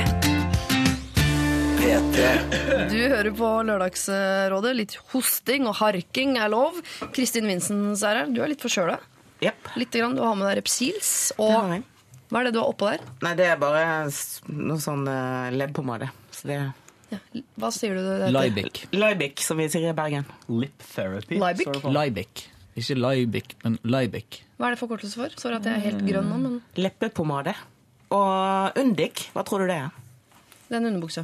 Strømpikk. Det er en strømpebukse. Riktig. Bekkalokk. For mer sånn Bekkalokk? Det skjønner jeg ikke hva for noe. Bekkalokk. Bekkalokk? Ja, Hva er det da? det er et kumlokk. Og Boss er ikke Bruce Springsteen, men søppel. Det er søppel. Ja. Søppel. Boss er ikke Bossbarn. ja, Bosskorv. Bossbarn.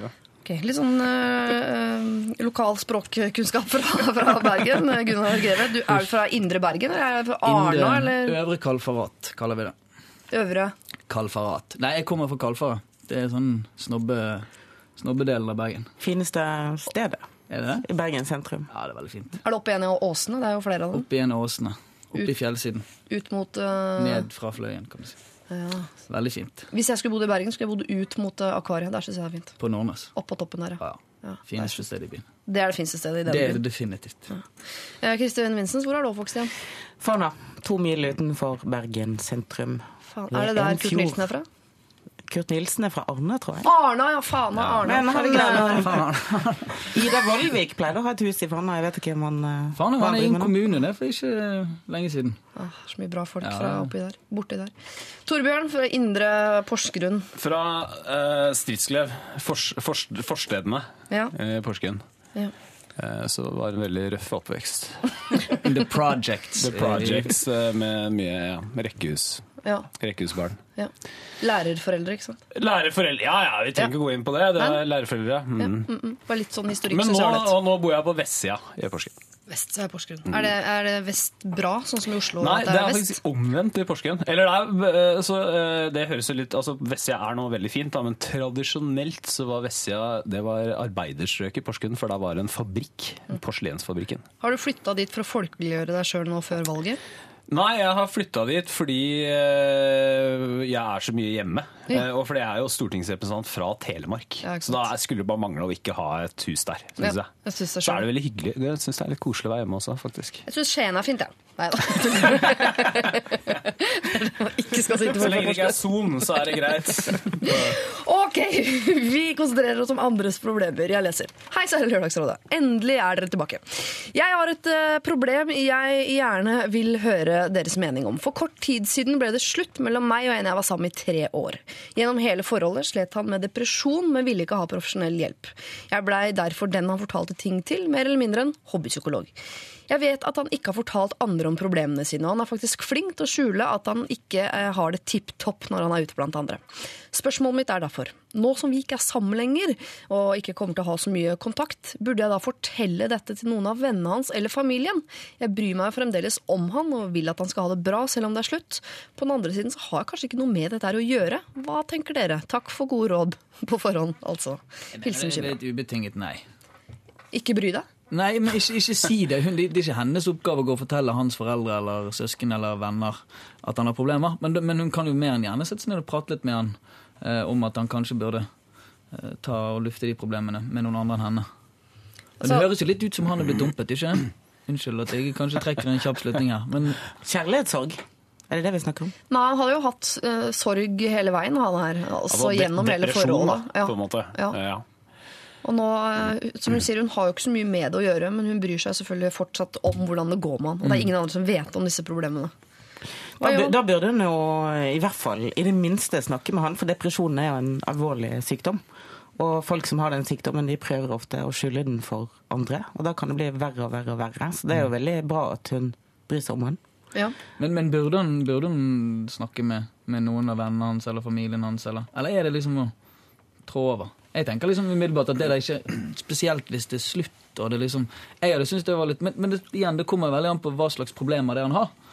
Ja. Eh, men, men jeg hadde kanskje syntes det var litt vanskelig hvis en eks eh, oppsøkte mine kompiser eller oppsøkte mine foreldre eller for, for å fortelle at 'død, han Gunnar, han har Men man vil ville vel kanskje, man ville vel kanskje synes det var greit hvis altså, Er det det at uh, hun forteller andre om problemene hans som er problemet, eller er det det at hun er eksen som er problemet? For jeg vil si at Hvis hun var bare, en- hun var bare en venn, da, Ja. ikke sant, som var en venn, uh, så ville det jo vært eh, så hvis ikke han liksom eksplisitt har sagt sånn ikke, 'Dette forteller jeg til deg helt konfidensielt', så ville jeg sagt at det kan være en fordel ikke å sladre om det, men å si fra til noen andre. Altså jeg har hatt sånn, Vi har hatt noen erfaringer sånn med kamerater og sånn som har fått psykiske lidelser. Da, og da er det veldig fordel liksom, at flere vet om det. At man kan faktisk litt sånn samle seg om å prøve å få til noe. For det som veldig ofte skjer med folk som er har en psykisk lidelse, det er at de blir gående og gående og gående, for at de snakker ikke om det, og, og andre tar ikke tak i det. Og så er det litt sånn, det er litt vanskelig å ta tak i det på egen hånd. Ikke sant? Hvis du har én kamerat som er syk, så kan det være litt vanskelig å gå bort til han og si du, vet du hva, vi må prate, eller Så jeg, men jeg, jeg, faktisk, jeg mener at hun kanskje burde si fra. Eh, Kanskje ikke til foreldrene, men kanskje ideelt sett si fra til han først. At vet du hva, jeg ser du har det dårlig, jeg har lyst til å si fra til eh, Jeg kommer til å nevne det for liksom en kamerat av deg. Eh, Ja. Og hvis ikke hun, så syns jeg nesten hun burde sagt fra uansett. Ja, for det, kan jo være at han egentlig vil ha hjelp, at folk skal vite om det, men at det er vanskelig for han å si det til noen. Eller så har han helt bevisst liksom ikke villet at noen skal vite om det. Og da er det jo et ganske stygt overtramp at hun liksom nå først eh, La oss si at hun har dumpet han, da. Dumper han, og så går til vennene hans og forteller det hun ikke skulle fortelle på toppen av det hele. Sånn, men, men og hvordan sett, prøve å sette seg litt inn i hans situasjon, nå, selv om det er vanskelig og du vet ikke hvilke problemer han har, så det ikke at han har problemer med å være ute blant folk, eller har ikke det godt med seg sjøl, sier han vel. Og, og hvordan ville han oppleve, eh, hvis han nå er eh, i tillegg knust fordi at han fordi det slutt, og så går hun og snakker med hans venner eller, eller noen rundt han og får dit. Jeg tror ikke det vil tjene til sin hensikt i det hele tatt. Jeg tror det i hvert fall er helt avgjørende at han tar en prat at hun tar en prat med han først, før hun gjør noe som helst. Ja, for han kan jo gå i vranglås hvis han føler liksom at folk har gått bak i ryggen hans og snakket om For han selv og hans han- lidelser. Nettopp. For, for selv om han innerst inne har lyst på hjelp, så, så er jo det forsvarsmekanismen, hvis vi snakker om det, så, så, så slår jo den i alle fall inn i en sånn situasjon hvor man eh, kanskje uf ufrivillig blir konfrontert på den måten, og i tillegg av en ekskjærestemann. Har Men kan ikke det vel lett bli sånn at det gode blir det bestes Nei, det beste blir det godes fiende? For det, det er klart, i alle sammenhenger så er jo det aller beste det er sånn kommuniser og snakk med han først og sånn. Ja. Men så vet vi jo hvorfor er da ting komplisert? Jo, for at det er så innmari vanskelig å gjøre det i praksis. Det kan være fryktelig vanskelig. Og da tenker jeg at det kommer litt an på hvor, hvis han bare er litt sånn smådeppa av og til, greit, kanskje du skal la det gå. Hvis det er et eller annet veldig personlig han har opplevd, så kan han ikke da, hvis han har liksom blitt misbrukt eller et eller annet sånt, så kan han ikke gå og fortelle det til alle. Men hvis det er at han har en type sånn lettere depresjon eller noe sånt, og så han kommer tilbake, så mener jeg egentlig at okay, hvis, hvis du ikke tør å ta det med han, da, hvis du er så feig og ikke gjør det som er helt åpenbart er liksom det mest riktige, så tror jeg faktisk at jeg ville sagt at ok, fortell det kanskje til én person som han Altså gi det videre, på en måte. altså Nevn det i hvert fall for bestekameratene. Altså, trenger ikke å si alt, men si at du, det kan være greit å være litt ekstra oppmerksom på Ole eller Petter eller noe sånt, for det, jeg tror han For jeg har dumpet han, skjønner du, så jeg tror han er litt lei seg. Han er ikke bare lei seg pga. det. Er Nei, men Hvis han sliter med ordentlig depresjon, Ja. så, så trenger han hjelp uansett. Uh, og da, Hun burde jo kjenne vennekretsen hans såpass bra etter de årene de har vært sammen, at hun kan klare å tenke ut hvem hun kan si det til. Som ikke legger det frem på, til han på en sånn Ja, hun går og snakker bak ryggen på deg. Og, Ja, for men en som faktisk bryr seg. Intensjonen her er jo god, og nå som hun ikke er kjæresten hans uansett, så har hun egentlig råd til på en måte å gjøre seg en martyr for at han skal bli frisk, og nettopp gjøre det som er behagelig for han, men som han kanskje trenger. Nettopp å, å gå og si det til noen, sånn at han får den hjelpen han trenger, men tydeligvis da ikke klarer å oppsøke selv. Jeg bare, jeg bare vet fra uh, venninnegjeng, Uh, to bestevenninner, den ene ble syk, den andre ringte psykolog, sendte hjem på døra til venninnen sin, og hun var sint i mange, mange år. Eh, fordi hun følte seg liksom utlevert til samfunnet. i det hele tatt. Men hun ble jo frisk, da, for da fikk hun jo kontakt med den psykologen. Men hun mistet jo, altså denne venninnen mistet jo bestevenninnen sin i mange år. Eh, Nå er de venner igjen. Jeg bare tenker at her, Når hun uansett ikke er sammen, kanskje hun rett og slett skal tørre å bli hata litt. Men at hun da eh, allikevel vet at hun kanskje er redda denne fyren her fra, fra depresjon. da. Jeg vet ikke. Jeg føler jeg dere studde meg ganske bra. Det var en ekstremt god argumentasjonsrekkefølge. Selv om jeg hadde valgt å være standhaftig, eh, så ble jeg nå bare sta, og jeg er egentlig helt enig. Du må for guds skyld si fra til noen med en gang. Legg det ut på Gjør det. Facebook, Twitter, uansett. Bare få det ut. La oss møtes på midten. At hun prøver med han hvis han er vanskelig og hun fortsatt i sitt eh, hode mener at han eh, trenger hjelp uten at han vil be om det selv. Så kan hun ta det et steg videre. Det er en kjempeplan. Er Også godkjent av Gunnar Greve. Eh, gjør det, du. Eh, hilsen Lørdagsrådet. P3. Macklemore og Ryan Lewis annet sammen om Thrift Shop. Vi skal straks eh, hjelpe en gutt vi på 20 år her i Lørdagsrådet som er eh, forelsket. Og det høres jo unektelig hyggelig ut, men han er forelsket i en jente som har kjæreste fra før. Og på toppen av det hele så har han vært så dum å involvere den jenta i sin egen vennegjeng. Så nå dukker hun opp her og der hele tida, overalt, med kjæresten, lykkelig, har det bra. Og der sitter han altså, ulykkelig, venn, forelsket, midt i den suppa der. Vi skal prøve å få han, om ikke utdannet, så i hvert fall til kanten. Eh, Men vi skal høre litt mer musikk først. Først ut er Sweden og deres eh, Hey, come on. Dette er Lørdagsrådet På P3. Vi P3. skal ta et av verdens eldste og mest vanlige problemer her i Lørdagsrådet. Og det er ikke noe jeg sier, det er innsender eh, selv, en gutt på 20 år, som sier nettopp eh, det. Eh, Rådgiverne i dag er Gunnar Greve, Kristin Vinsens og Torbjørn Røe Isaksen, og jeg leser problemet. Jeg sitter her med verdens eldste og mest vanlige problem, men allikevel et problem jeg aldri få løst. Jeg har vært forelsket i den samme jenta i tre år nå, men hun har kjæreste, og har hatt det så lenge jeg har kjent henne. Problemet er at eh, jeg har introdusert henne i vennegjengen min, og hun er nå en så stor del av den at jeg nesten ikke kan være sammen med vennene mine lenger, for jeg greier ikke å se henne. Jeg blir med en gang deprimert og sliter med å ha det gøy. Jeg har ofte endt opp hjemme mange lørdagskvelder fordi jeg ikke kan se henne uten å bli helt knust. Jeg er så ekstremt forelska i den jenta at det faktisk gjør fysisk vondt, og det blir bare verre hvis jeg møter henne. Jeg har ødelagt tre potensielle forhold fordi jeg bare tenker på henne, og dette må stoppe, men jeg er helt hjelpeløs. Hva gjør man i en sånn situasjon? Jeg greier ikke tre år til, jeg. Gutt 20. Jeg trodde med en gang han skulle si syfilis, for det er vel også et av verdens eldste problemer. Men det er ikke det mest dette er jo-. Nei, men dette er mye, mye, mye vanskeligere. Ja. Eh, nei, uff, vet du hva. Det er, det, er- det jeg er, på sånne problemer så tenker jeg sånn, vet du hva, bli poet. Det tror jeg er et råd jeg har gitt før, men det er eh, bli poet. Ta all eh, kjærligheten, få den ned på papiret. Eventuelt gi ut et mørkt rockealbum Ja. eller noe sånt. For dette, dette fins det ingen Altså ulykkelig kjærlighet fins det ingen løsning på. Det er, eh, hvis, ikke, hvis ikke du da liksom har lyst til å sjekke om hun kanskje er interessert, men det, da risikerer du også å ødelegge alt det andre. Ja. Så eh, altså, Det er ikke noe løsning på det, men ta så bruk det til noe konstruktivt du kan tjene penger på. Ja, det, jeg, ser ikke noe, jeg ser ikke noe annen utvei. Nei, jeg synes han må Vi får ikke høre noe om han eh, har prøvd hans potensielle sjanser eller muligheter for å oppnå eh, å bli sammen med den drømmen, selv om hun er type. Det er, jeg, jeg tror ikke han skal bare gi opp eller, eh, eller si at ikke dette har noen løsning så enkelt. Jeg tror han må bare stå på, rett og slett. Og hvis hun er blitt en så stor del av kompisgjengen, så det er hans kompisgjeng, så må han eventuelt ta kompisgjengen tilbake. Ja, som kompis. Altså, eh, hvis en kamerat av deg hadde introdusert en jente i gjengen som var såpass kul at hun på en måte fikk sin naturlige plass i den gjengen, og så er det et eller annet som skjærer seg mellom de, hvem får bli? Det er et ledende spørsmål. Det må jo være, Hvis ikke har du dårlige kompiser, hvis ikke det er du som, som blir værende til slutt. ja, jeg. Og dette er jo også noe han kunne snakket med kompisen om, for hvis hun er blitt en så viktig del av, av gjengen at, han, rett, at, at, at ikke, ikke hun kan være, han kan ikke være med de uten at de er med henne, så, så må han kunne ta det opp med de og si at de vet vel forhåpentligvis at han har vært tre år ulykkelig forelsket i den dama. Men er ikke hun sammen med en, er hun sammen med en annen av kameratene hans? Nei. Nei, ok. Så det høres litt rart ut. Men vendinger er jo ikke sånn, de er jo ikke så statiske. da, De flyter jo. ikke sant? Så Det er jo ikke sånn at vi er de fem originale medlemmene. av Det er Jo, ikke sånn, liksom, de sånn. fantastiske fire her. Sånn skal vi ta opp han nye medlemmet. Det er jo ofte sånn at det er litt sånn Sånn dynamisk sånn og organisk. det. Så det kan jo hende at hun liksom glir litt inn og nå er venn med ja, ja, ja, ja altså, det, det, sånn, det kan jo hende at på et eller annet punkt, f.eks. hvis det blir slutt mellom henne og han andre Skal hun vente på det? Nei, altså, men poenget er at det går ikke, ikke? Det, det, nytter aldri å si jo, men bare, du må bare glemme henne, eller du må bare prøve. For at hvis han prøver, så vil han jo ødelegge Da vil det jo bli utrolig klønete, da.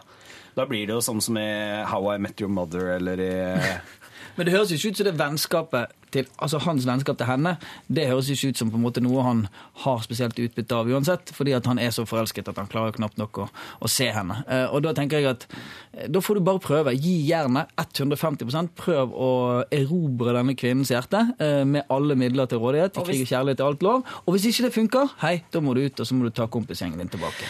Ja, og Torbjørn har jo et poeng. Altså, det fins jo ingen kur mot uh, ulykkelig kjærlighet. Uh, og jeg vet at folk på 20 hater å høre det, men det går over. Det gjør faktisk det. Og til og med en vakker dag, hvis ikke dette ordner seg, hvis ikke Gunnar sin uh, kur funker, så kan det hende at han kommer til å se tilbake på den perioden og tenke jøss, der var det noen år eh, hvor jeg kanskje kunne funnet på noe annet. Men ta tiden til hjelp. Skriv gjerne poesi. Bli med et band. Eh, skriv noen tekster om dette her. For det, det kan man eh, bruke. Ja, for Han har ødelagt tre potensielle forhold, han, for han tenker bare på henne. Og Det er bare hun som gjelder. Men eh, hvordan skal, eh, hvis han skal gi 100 jernet for å prøve å erobre denne kvinnen, det synes jeg er, eh, det er godt råd. Men hvordan, har vi noen tips til hvordan han gjør det? eller? For Det er vanskelig jeg, å sjekke opp en man kjenner fra Ja, før. for jeg synes det der, der er, sant, i, Hvis det hadde vært en film, som jo det er jo referansen vår på alt mulig, sant, så er det der å gi jernet Det er da sånn I'm just a guy looking at a Hvor er det fra igjen? Altså, det er sånn der, du kommer med, ja, det er not, sant, du, sånn, du kommer inn, du braser inn i Når hun skal gifte seg liksom, med roser og orkester eller et eller annet sånt. Men poenget er i virkeligheten så vil jo dette her, det som vil skje da, er jo at folk vil føle at det er kleint, eller noen vil begynne å fnise. Sånn som vår tidligere probleminnsender. Så den beste måten stort sett å sjekke opp noen på, det er jo bare å være veldig sjarmerende i nærheten av personen. Men det er vanskelig å plukke opp det du har trodd har vært vennesignaler, som plutselig da eh, sendes med romantiske baktanker, kan ofte være veldig vanskelig å plukke opp. Du kan være så tydelig du vil, da du tror du sender kjærlighetssignaler. I andre enden sitter det en mottaker som tror du prøver å være venn. Med mindre du liksom da eh, drikker deg til mots og plasserer den hånda litt for langt opp mot skritteregionen. Altså, da, da blir man Eller sånn sånn- grisete tydelig. Og så blir man, Hæ, er vi ikke venner? Hvorfor er du nå grisete? Og det er det- kjempevanskelig, det Eller greiene der. påfallende ofte liksom stoppe bilen når dere er på tur og går ut for å tisse med utstyret mot veien, bil. for eksempel. Mot bil. Sånn. Jeg tisser litt på frontruta, jeg, du. Ja. Fauskeløsningen. Jeg men det ville går jo faktisk ikke- bare vært ærlig, altså. For at, um, det er typisk sånne guttevenner, og som du sier, bare gi vennesignaler. Um, og hvis den uh, mottakeren ikke vet at dette er noe annet enn vennesignaler, så, så kommer det ikke til å skje en dritt. Men Han kan risikerer jo å tape vennskapet hennes, men uh, han klarer ikke å være i nærheten av henne uh, allikevel. Men de har jo aldri vært venner. Han har vært forelsket i henne fra han møtte henne, så han mister ikke en god venn oppi der. Han, eh, han Enten så får han seg kjæreste, Men hun er en eller så er hun borte. Men en del av venner, men det vennskapet er vel enig om at på en måte ikke har livets rett uansett, i og med at han er så forelsket som han er. Jeg, jeg skjønner ikke, Er det virkelig sånn at hvis vi gutter er skikkelig frempå En ting er vennesignaler, men hvis du virkelig går inn for å, å vise en, en, en jente, en dame, at, at eh, du bryr deg om henne, at du er interessert og er en god Altså, Han har jo det perfekte utgangspunktet. Han har jo det superdamen. Det er kanskje satt litt på spissen at det er det perfekte utgangspunktet, men han har i alle fall den damen han har lyst til mest av alt i verden å bli sammen med i kompisgjengen sin, og har muligheten til å omgås henne uten å kjøre filmtrikset ditt eh, og komme brasende inn med en I bokhallen eh, hennes, sånn, ja. du trenger ikke å kjøre den. Han kan bare være den sjarmerende, hyggelige, sympatiske kompisen og delen av vennegjengen. Og så Sagt, men Men sikkert hvordan vil eh, da, hvordan vil da hun, for Siri har jo et poeng da? Hvordan vil hun da skjønne at han ikke bare er enda en av kompisene? Hvordan vil hun skjønne at han er forelska Det kan være det lurt da, etter en sånn litt sånn systematisk eh, teppebombing med komplimenter og omsorg, så at det drikker seg litt opp til mot å si at vet du hva eller kanskje var det feil å si at man jeg trenger ikke drikke, men eh, faktisk ta til mot eh, og, og, og tørre å si at eh, du føler det du føler. Og hvis, ikke, hvis det faktisk er sånn at han ikke har, etter disse tre årene og med de problemene eller den konstellasjonen sånn som den er rigget, hvis han ikke har sagt ifra, da må han virkelig få fingeren ut og gjøre det, selv om hun har kjæreste. Går det det an å gjøre det på en litt sånn uh, ja, Unnskyld, Siri. Nei, hva tenker Det eneste hinderet hvis du glemmer det med vennegjengen og alt det der, er egentlig ikke noe hinder. Det er din vennegjeng, og hun er der fordi hun kjenner deg, og hun er der fordi du er forelsket i henne. Det eneste hinderet her er at hun har kjæreste. Ja. si, det er litt vanskelig å sitte som programleder i Lørdagsrådet og si sånn Drit i han! Kjør på! Men han får heller sende en mail i andre enden, da, så får vi hjelpe han om med noe annet. Men uh, det eneste problemet her, hun er bare en jente.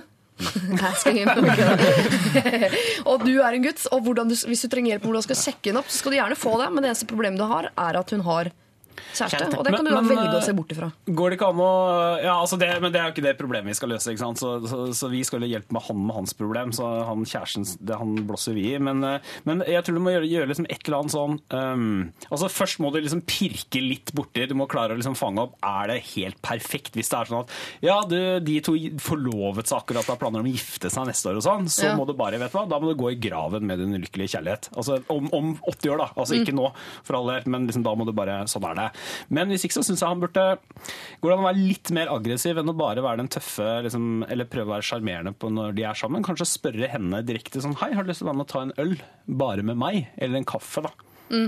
Eh, og så prøve, og hvis hun da, for da vil du merke sånn, hvis hun da sier ja, det hadde vært gøy, og bli med og dere er ute, og får liksom sånn, eh, da har du liksom en kile inn der. Hvis hun da sier ja, ja, men vi tar med de andre også, så har du fått noen signaler som betyr at vet du hva, hun er ikke så interessert, kanskje. Ja, inviter henne ut på tomannshånd og Ja. se om hun drar med seg noe ekstra Ja. folk. Ja. Kan være en fin ende å starte i. Men så syns jeg faktisk at det ligger noe Det er en sånn eh, tapt del av, eh, av kjærlighet og sjekking som jeg syns man kan blåse litt støv av. Som er hvis han sier til henne at det er deg jeg vil ha, og det har jeg tenkt å jobbe for, og da driter i all sånn stolthet og nei, nei, hun sa nei, og da mista jeg fjeset, og ble flaut for meg, og da gir jeg opp og sånn, og bare fortsetter å kjøre på, uh, uten å bli psykopat, for det er ikke så sjarmerende, så kan det jo være han vinner til slutt. Da. Jeg tror jo, jeg ville likt at det var en som har bestemt seg for at du er den kvinnen jeg skal ha, og sånn er det. Og du sier at ikke du har meg. Nei vel, jeg har tenkt å fortsette å be deg ut på date den dagen du sier ja. Og så håper jeg han gir opp til slutt da, hvis det er helt crazy, men Det kan jo, men da må det være basert på en eller annen sånn Da må det må være en realistisk forhåpning om at han kan få henne. Altså Det må være en eller annen sånn eh, Altså hvis du bare Det er så veldig lett å se for deg hvordan det kan gå helt feil, men da må det være sånn at han tror at reelt sett hun også er litt interessert. ja. Hvis ikke så er det jo helt håpløst.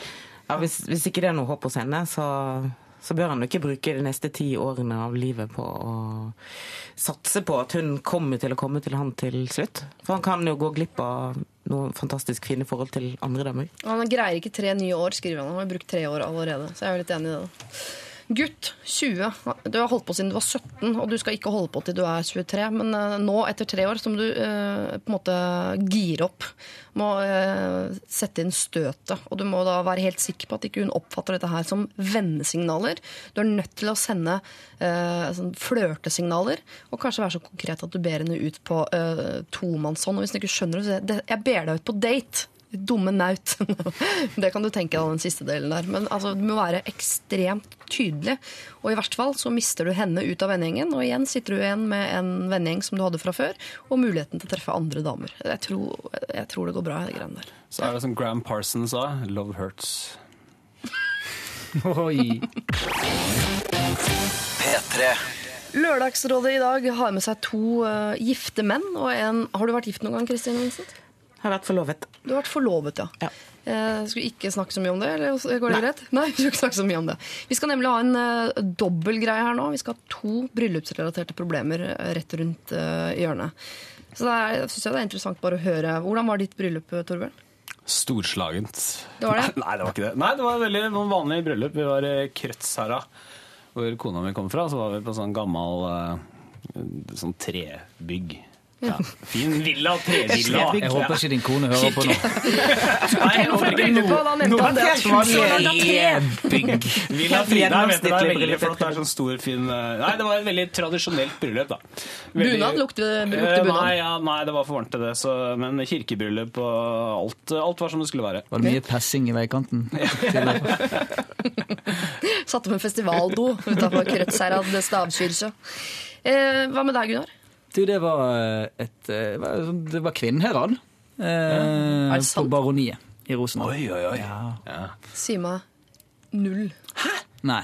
Baroniet? i. Rosendal?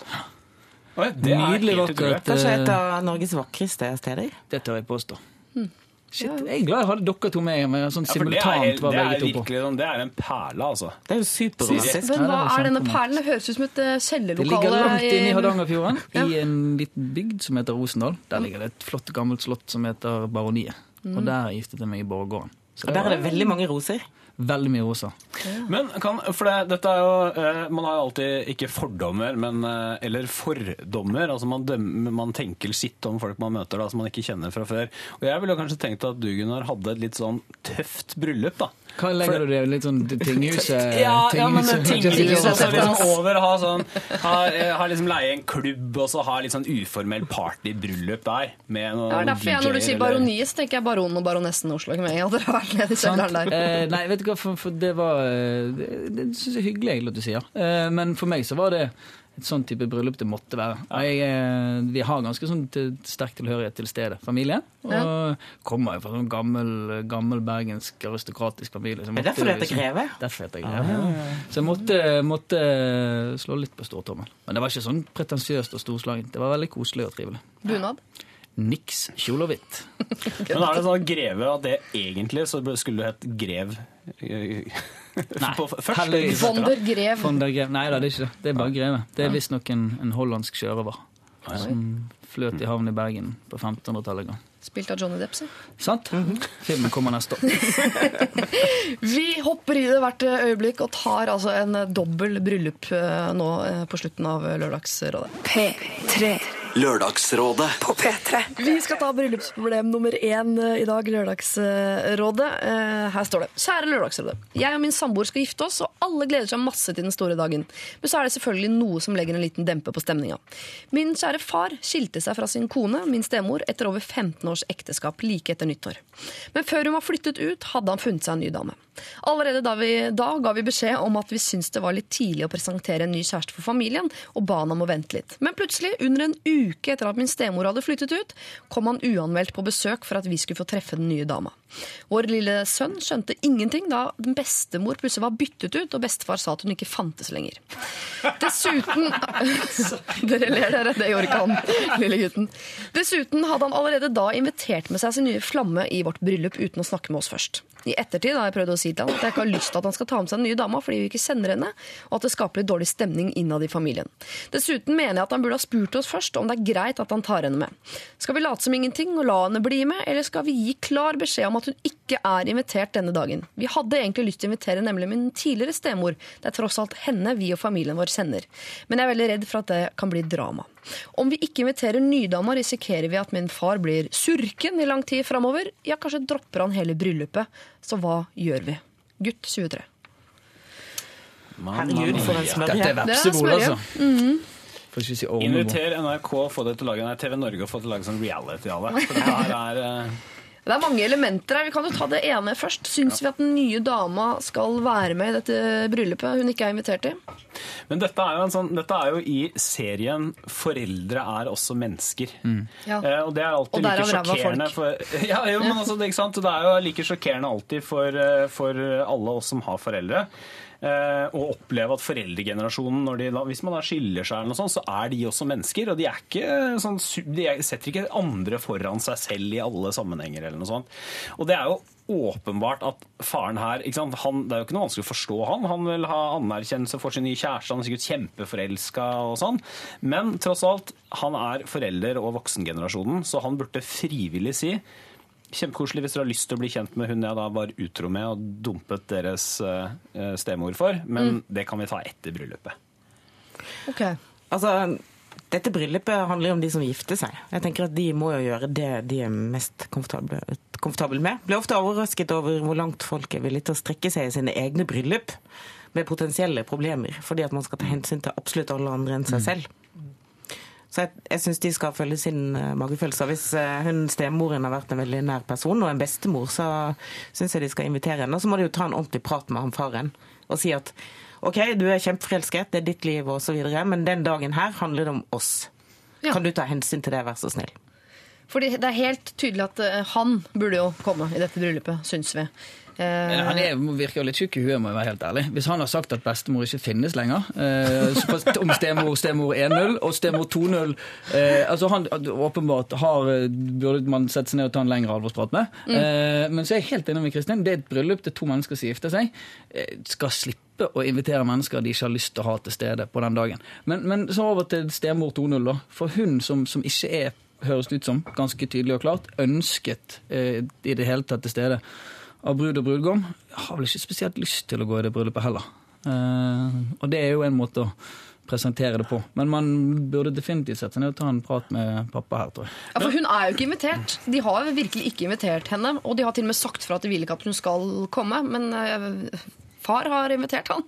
Og hun, hun Men da må jo de forklare at dette bryllupet handler ikke om deg, pappa. Eller far. Eller hva det nå Men det er jo greit å gjøre det på en måte som ikke gjør at stemor 2-0 eh, blir veldig fornær... Eller føler seg veldig uønsket og lite velkommen. For det kan jo hende hun kommer til å være der De neste i nesten 15-20 åra. da. Før hun blir byttet ut med stemor 3-0. Ja. eh, et eller annet sted om. Så, må det være litt sånn fintfølende. og Det er, det er klart, det er jo, er jo et problem også at kanskje far låser seg, at han blir sur. Og, og hvis han ikke kommer, så er det, det er jo veldig trist, og man burde prøve å unngå det. Så det, hvis det går an å gjøre det litt smidig Altså jeg er helt enig at sånn, I utgangspunktet har de all rett på sin side. Eh, og det er helt hårreisende hvis han velger å ikke komme. Men jeg tror det kan være en fordel å gå litt smidig fram, rett og slett bare for å unngå å havne i en situasjon som, man, eh, som vil ødelegge litt av dagen. Da, Selv om de har rett. Men for det er vel ikke noe vei utenom at dette her er noe som de kommer til å tenke på helt eh, til rett før bryllupet, men på selve dagen så glemmer man det vel. Er det ikke den dagen, så er man vel så fokusert på eh, jo seg, kona, kjøreplan. kona, kjøreplan. Jeg tror nok liksom det, det Der og da så er ikke det største problemet, for jeg tror gjestene forsvinner litt. Eller det gjør de på, på et vis. De, de, de er ikke så opphengt i alle som er til stede.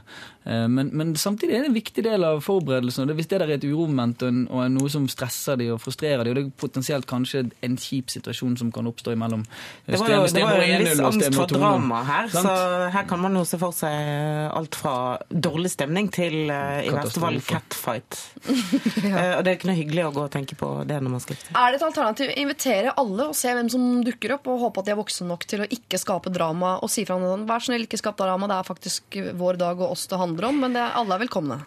Skal man stole på en uh, fyr som sier at bestemor fins ikke mer? Til Det var der jeg eh, kjente at jeg eh, ble vant litt over på brudeparets side. Altså. Men, men det er viktig å huske på, som Torbjørn sier, at man skal ikke liksom foreldre og ha lov til å være menneske og bli forelsket på nytt og, og har all sin rett til å på en måte få lov å velge å være og, og leve sammen med de menneskene de, de vil. Men samtidig så bør man som far forstå, forstå viktigheten av fra hans side å være litt smidig og diplomatisk når han presenterer eh, 2.0-versjonen for, eh, for barna sine. Ja, hadde de ikke bare vært sammen altså Dette var ganske nylig, er det ikke det? For at. Og hun kom en uke etter at ja, Så hvis Ja, det hadde vært liksom, den nye kona til, eller nye kjæresten til far, og de hadde vært sammen et år, så mener jeg at da hadde på en måte far hatt rett. Det blir jo et Men- halvt år, da, for de traff hverandre. Altså, de ble sammen offisielt rett etter nyttår, og dette bryllupet er nå i sommer. Så det blir jo Og så hadde han vært utro, så falt, med, så falt vi, eller hadde han funnet sin en ny dame etter Da er han kjapp på labben, hvis han har rukket å få seg en ny så kan være disse har et, hatt et Men jeg syns, eh, nei, jeg syns at jeg syns de må klare å overbevise han om det. Og så syns jeg også faktisk vi burde tenke litt på en stemor 1-0. eh, og, og forklare veldig altså Det er jo sikkert litt sårt for henne å ikke bli invitert også. perfekt sånn barnevaktmesse. Og de har jo barnevakt som ikke skal komme i bryllupet lenger. Sånn sett er det jo helt glimrende. Jeg vil veldig gjerne at det skal være barnevakt. Ja. Kan du servere? Nei da. Men uh, burde de si noe altså, Først, da. Burde hun inviteres? Er de voksne nok til at de burde kunne omgås? Hun vil antageligvis ikke komme da når eksmannen er der osv. Men Det, det kommer helt an på hva slags forhold de har til henne. da. Hvis hun har vært en slags sånn, hvis hun har vært eh, liksom kjæresten til eh, pappa og aldri noe mer enn det, med hyggelig kjæresten til pappa, men ikke noe mer, men hvis hun har vært liksom som en god stemor, da, mm. så burde hun jo kanskje inviteres. Hun hadde vært sammen med faren i 15 år. de har vært gift. Det var jo bestemor til ungen ja. deres. Ja, sant? Og vedkommende som skriver seg er 23, har kjent henne siden eh, åtteårsalderen. Det, er- det er ganske lenge. Det er liksom det bevisste livet man har. Men det blir jo veldig mange, da, for jeg regner med at mor skal jo sikkert også komme. Ja, det er er Coco mor, og så er det liksom stemor E1-0, stemor 2-0 og ny kjæreste. Ja. Dette er jo sånn dynastiet. Altså, det er noe Hotell Cæsarsk eh, over dette Det ligger liksom litt sånn duket for en potensiell dramakatastrofe i, i det bryllupet, spør du meg. Ja. Eh, men, men må heller ikke glemme det barnet som er oppi her, og som skal forholde seg til nettopp har fått beskjed av eh, bestefar at bestemor ikke finnes lenger. Her er 2-0. Det er jo, men eh, jeg, jeg tror eh, 2-0 skal holde seg unna. Ja. Denne gangen her. Og jeg tror, de jeg tror de må sette seg ned og prate. Og for den saks skyld så kunne de kanskje invitert begge to eh, på en middag eller på en eh, hyggelig, et hyggelig glass vin på terrassen og rett og slett forklare at vet du hva, veldig hyggelig å ta, rett og slett ta på seg litt eh, påtatt eh, eh, vel, velkomst eh, og vennlighet overfor eh, den nye kvinnen i fars liv, og så samtidig si at men vi syns det blir vanskelig både pga. Ja. Eh, historien og, og andre personer og barn, ikke minst. Så vi håper du kan respektere og synes at det er ok. Og så kan jo heller hun si at men når vi skiller oss om 15 år, jeg gifter meg på nytt, da er du selvfølgelig velkommen. tenk deg åssen det blir for deg da om 15 år. Ja, ok, Så uh, stemor 2.0 hun skal ikke komme i bryllupet. Så det må bare kommuniseres til far. Og da tror jeg det er fint å si ting eh, som Kristin her sa, at dette er vår dag. Det handler om oss og ikke om deg, pappa. Så dette må du bare forstå. Men kanskje da invitere henne ut på en middag i forkant hvor de har det hyggelig, på en måte, så hun oppfatter at her er jeg på en måte litt velkommen, men det bryllupet kom litt fort på. Og så si da til eh, versjon 2.0, eh, den forrige stemoren Nei, Nei er 1.0. 1.0, ja. Heter det 1.0? Ja, ja, altså, Det er den originale. originalen. Den Nei, nei, ikke originalen. original- for det er den mora, første Ja, originale stemoren. Ja, Ja. stemoren, ja. Den originale stemoren må dere da si at vi ønsker selvfølgelig å ha deg der, men vi tror det potensielt kan bli litt drama. Så da kan heller vi finne på noe hyggelig i forkant eller etterkant eller et eller annet. Eh, Guttsutere, eh, du er på vei inn i de voksnes rekker med å gifte deg. Her er det bare om å få opp kommunikasjonen med alle stemødre og bestemødre og fedre og alt mulig som er eh, rundt der. Og så må du huske å fokusere på at det er du og kona det handler om den dagen. Så det er dere som skal ha en fin dag. Eh, Så slutt å tenke så mye på at alle de andre også skal ha det ålreit. Det er din dag. P3. Vi har allerede tatt et bryllupsrelatert problem her i Lørdagsrådet. Vi skal ta et eh, til. Eh, Gunnar Greve, Kristin Vincents og Torbjørn Røe Isaksen. Politiker. mus- Manager. Mus, ja, talentmanager. Talentspeider. og journalist. Programleder. Kristin. P2 nå. P2 nå. Er dere fornøyd med Politiker er liksom den letteste, føler jeg, å bare si det er det du er. Du er ikke noe å i tillegg. Nei, nei, nei. Levemann, eventuelt. Levemann, ja. Eh, dere skal da eh, få dette bryllupsproblem nummer to som kommer her. Hei! For litt siden fikk jeg en ny kollega som jeg kommer godt overens med. Hun skal gifte seg om kort tid og har mye å tenke på, blant annet om hun har nok servitører. Derfor så lurte hun her på en dag om ikke jeg kunne være med å servere. Noe som i og for seg ikke er noe problem. Det er alltid hyggelig å hjelpe til, bryllup er gøy, og man er jo på tilbudssiden. Dilemmaet er at for noen år siden så hadde jeg et one night stand, og det var med hennes forlovede. Selvfølgelig før de ble et par. Vi har møttes noen ganger tilfeldig etter dette med et nikk, men aldri noe ønske om å ta opp tråden. Så hva syns rådet? Skal jeg takke ja og være behjelpelig, eller vil det bli ubehagelig for han om han plutselig ser meg dukke opp serverende vin til sine kompiser i bryllupet? Eh, hilsen en som gjerne vil være god kollega, men ikke ødelegge bryllupsstemninga. Altså Her er det helt tydelig at hun, denne kollegaen vet Ja, at de det har ligget sammen. Ja. Dette Ja. må hun jo åpenbart ta opp med hun som skifter seg. Det. Her er det viktig med dialog og kommunikasjon. Ærlighet, Sett dialog. dere ned og ta en ordentlig prat, alle tre. Nja, Nei, Jeg tror hun må finne på en god unnskyldning og si at hun uh, booket til noe helt annet den dagen. Det, ja, det kan bli ubehagelig for uh, han som skal gifte seg, å se One Night Stand stå der og, og skulle servere han uh, brun saus eller erter eller hva det nå blir. Og så jævlig hyggelig ikke det å servere i et bryllup. Så det, hun klarer jo å avstå fra det, ikke sant? Ja, og jeg tror nok hun skal klare å, å la det være, men jeg skjønner at det ønsket om å være på tilbudssida, og hvis ikke hun syns det er noe kleint å se igjen han, så hvorfor ikke? Det kan hun ikke vite før dagen, og hvis han syns det er kleint, så kan det være med på å ødelegge dagen for han, tenker jeg. Og tenk hvis en kollegaen hadde fått vite det. Altså noen drikker for mye, et eller annet skjer. Krise. Du skjønner, jeg mm, ja, eller, eller bare si du, jeg kan ikke, for jeg hadde sex med forloveden din skjønner du, for et par år siden. Det var bare et one night stand som ikke betydde noe for noen av oss. Ja, jeg var var altfor romantisk, eh, så jeg bare begynte å fnise. Nei, for jeg tenkte i utgangspunktet at dette her eh, Jeg var egentlig i utgangspunktet sånn uenig. Tenkte sånn, nei, men herlighet, dette, dette sånn skjer. Og man må da bare, kan ikke gå gjennom livet og unngå alle man en eller annen gang har hatt en romantisk affære med. Nei. Men så skjønner jeg jo, altså, så, så hvis hun liksom fyker rundt Det spørs hvor mange det er i bryllupet. da, Hvis hun fyker litt sånn rundt nederst ved bordet og sånn, så gjør det kanskje ikke noe. Men det er jo klart det er litt flaut hvis hun skal opp til dem.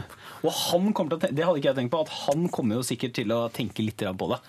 Så det er av, av hensyn til han, kanskje. som, Han kommer til eh, å kaldsvette noe Hele så dagen. jævlig. Ja. Og tenk deg hvis han egentlig har litt bryllupsnerver, og en liten del av han bare vil ut av det, og så ser han en gammel flamme og tenker sånn Handikappen om fem, liksom. Jeg må, jeg må, jeg må rett og slett bare Kanskje derfor utroskap hun har meg lyst ut av til å dette være på her. tilbudssida.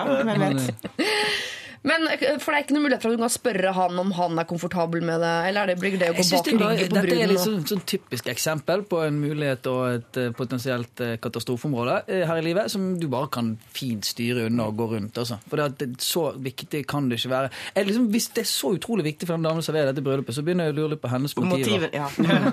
Men hva slags unnskyldning kan hun bruke? da? Hva, for, for at Hun kan ikke bare si ikke sant? Hun vil jo samtidig da sørge for at hun virker som hun er positiv og hyggelig, som hun jo er. da. Man si Veldig positiv. Veldig på tilbudssida. Ja, veldig på tilbudssida på alle måter. Eh, så hun kan, hun kan ikke bare si sånn Nei, jeg har ikke lyst allikevel. eller Det passer ikke. med å komme opp med en god hvit løgn, rett og slett. Ja. Ikke bare at datoen er opptatt. Eller book noe annet den dagen og si at den bookingen kom inn først. Så er det en hvit løgn som er. Venninne som har 30-årsdag eller bursdag eller Her må man kunne komme opp med hvit løgn. Rett og slett. Det er lov med hvite løgner hvis det gagner den som hvit løgn får servert. Jeg tror at kollegaen hennes selv vil ha den hvite løgnen enn eh, som du sa. Jeg ja, kan godt servere, men jeg har ligget med, med typen din og sånn. Så det kan muligens bli litt kleint. Men kan hun eh, si Men jeg har en kusine, hun er bare 17 år og i beite for eh, penger. Eh, og hun har sagt at hun kan. Sånn. Ja, men er problemet altså, eh, Er det, er det, sånn, eh, da er det servit, så stor servitørmangel at bryllupet er sånn de, det, blir Sverige, ikke, ja, ikke det blir nok ikke mat hvis ikke du kommer. Så nei, nei, da får vi utsette bryllupet. Når kan du? Det er jo ikke sånn. Altså, de, de finner jo en annen til å servere noe mat i det hersens bryllupet. Så hvis hun sier sånn Nei, du, å, jeg kom akkurat på at mora mi har bursdag, eller eh, venn- venn- venninna mi har bursdag, eller noe sånt. Ja. Det burde holde, altså. Ja. Her eh, er det altså fire av fire som mener at her må det serveres en eh, hvit løgn i forkant av dette bryllupet. Du kan nok dessverre, uansett hvor mye du er på tilbudssida og hvor hyggelig du er, eh, ikke servere i dette bryllupet. Det er potensielt eh, veldig dramatisk. Det blir kleint for han, og han kommer ikke til å kunne nyte dagen i så stor grad eh, som han burde. Eller så kanskje han kommer til å nyte dagen i altfor stor grad, og dit vil vi ikke. Eh, så hold deg hjemme, du. Finn på noe annet. Gå i en bursdag, eller eh, ring en kusine og be hun servere. Men ikke, ikke gå i det bryllupet. Lørdagsrådet med Siri Kristiansen. På P3. P3. Vi skal selvfølgelig også i dag i Lørdagsrådet dele ut en T-skjorte til eh, den man f- bare føler at har et behov for en T-skjorte, eller som fortjener det mest. Eller, altså, dere bestemmer selv hvorfor vedkommende skal få en T-skjorte. Jeg skal eh, gå gjennom eh, hvem som er kandidater i dag, altså. Eh, Vi hadde en jente tidlig her i dag morges som var veldig redd for å gå i klisjéfella. Altså hun var ukomfortabel med romantiske settinger og fnisa seg ut av det meste. Og var redd for at hun ødela alle mulige sjanser for romantikk. Så har vi mannen vi liker å kalle turnusfylla, med en eh, kone som sitter da hjemme med deres eh, lille barn hver eneste helg når han er eh, ute på jobb, og hver eneste helg når han ikke er på jobb, men da velger å fylle helgene sine med nettopp fyll. Og så har du pisseproblemet oppe i Fauske, men som for så vidt er et internasjonalt problem. Folk står og tisser eh, der det tisses kan. Eh, Og da blir man jo da eh, presentert penis, og det vil man ikke alltid. Det er ikke alt man er i titte på andres penishumør, så hva gjør man med det? Vi har en deppa X, der denne da veldig eh, fine dama ønsket å sørge for at eksen fortsatt hadde det bra nå som ikke de er sammen lenger, og han ikke har noen å snakke med sine depresjoner om. Skal hun gå til venner, familie osv. Evig forelsket er lett å kjenne seg igjen i. Altså, det er en gutta som er, eh, har vært forelsket i tre år i en eh, jente som er en del av vennegjengen hans, men hun har hatt kjæreste hele tiden. Og han fikk vel eh, i hvert fall ganske tydelig beskjed fra Gunnar Greve her om at det var bare å ta klampen i bånd, kjøre på, erobre denne kvinnen. Og så har vi da hatt eh, dobbel bryllupsproblematikk nå på slutten av eh, Lørdagsrådet her. Eh, den ene hvor man var eh, sur på far, som hadde invitert med seg den nye flammen i eh, bryllup. Og til slutt også en som ønsker å være på tilbudssida og servere i bryllupet, men hun har faktisk ligget av med brudgom. Hva gjør hun? En av disse skal få en T-skjorte. Dere må bli enige for første gang i dag. Eh, Gunnar, Kristin, Torbjørn. Evig forelsket. Uten tvil. Ja. 20-åringen han har en hard og slitsom tid foran seg. Trenger alt som varmer. Derav en T-skjorte. Men det er ikke nesten litt sånn en hån? eh, og sånn, Jeg får ikke den store kjærligheten, men jeg får en Pål Arnotto sitter med oss i T-shirt. Ja, altså, det er ikke det. Jeg synes, og, og så synes jeg jo jeg, hvis, man, det er noe, hvis man tenker litt annerledes, ikke bare tenker hvem er det man har mest sympati med, for han, er det, han har det jo vanskelig, men det kanskje det vanskeligste problemet, det syns jeg var hun som hadde lurt på om hun skulle si fra om ekskjæresten hadde var- at han var deppa og sånn. Ja. Sånn problemfaglig så var det et veldig sterkt problem. ja. Kristin? Jeg syns også veldig synd på denne moderne storfamilien som skal prøve å arrangere bryllup uten at det blir eh, fullstendig togkrasj. Men tenk når de skal fordele en T-skjorte, da. Så er Du kan gi den T-skjorten sånn- til Stemo 2.0. Det er jeg sikker på at da eh, Er utafor hun målgruppa. ja, blir, hun er det. Kan ikke ha pensjonister i P3-T-skjorte. Ja, du vet jo ikke at Det vet er du ingenting pensjonist. om. Det Kan hun Kan jo glatt være midt i målgruppa. Ja, ja, ja. Det er sant, det. Det har jeg ikke tenkt på. Mest sannsynlig, tipper jeg. Hun er midt i målgruppen. Nei, Dette skal ikke jeg blande meg opp i noe mer enn jeg allerede har gjort. Men han evig, altså han som er ulykkelig eh, Som er ulykkelig forelska, han har jo det problemet som Altså alle har jo hatt det problemet. Mm. Og, så er det så vanskelig. Det er jo en grunn til at han sa det var verdens eldste problem, og det er jo en grunn til det. Det er for at det fins ikke eh, Det fins aldri én veldig god løsning på det. Eh, Eller det fins i hvert fall ikke noe garantert lykkelig utfall. Nei. Men får han noe bedre av å få denne T-skjorta, da? Mest sannsynlig så er vel han den som blir mest irritert av alle ved å få den T-skjorten. Så evig kanskje da- påminnelse om ja. sin ulykkelige kjærlighet. Ja, Jeg har også litt sympati for eh, hun som bryr seg om sin eh, deprimerte eks, for det er et, det er et vanskelig dilemma.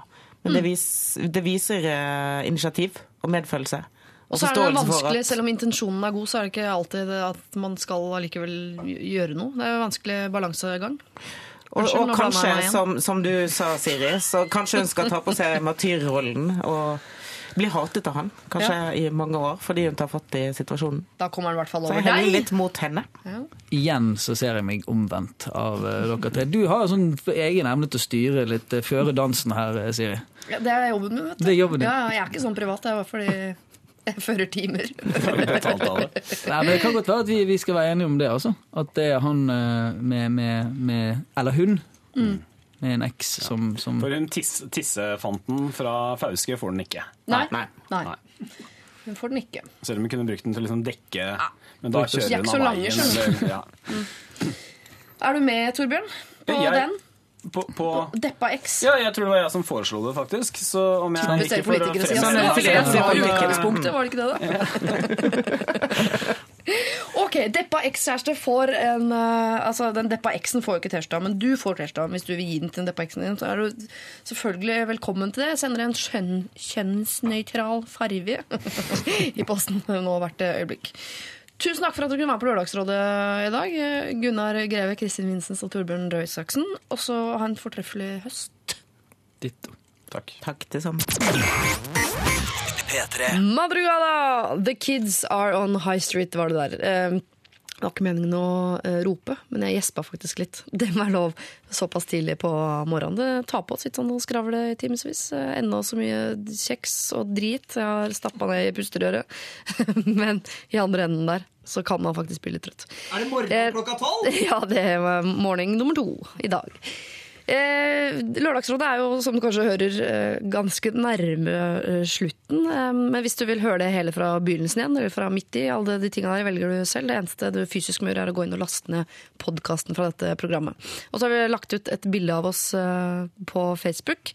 Bare ett bilde. Det, noen ganger holder det med et eh, bilde. Det sier jo som sagt mer enn 1000 ord, og det er jævlig irriterende for oss som jobber med ord, da. Men uh, sånn er det i hvert fall.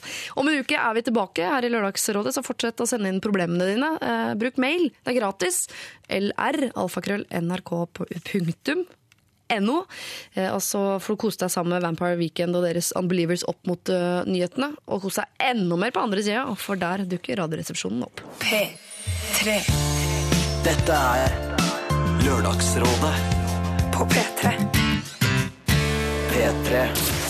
Hør flere podkaster på nrk.no podkast.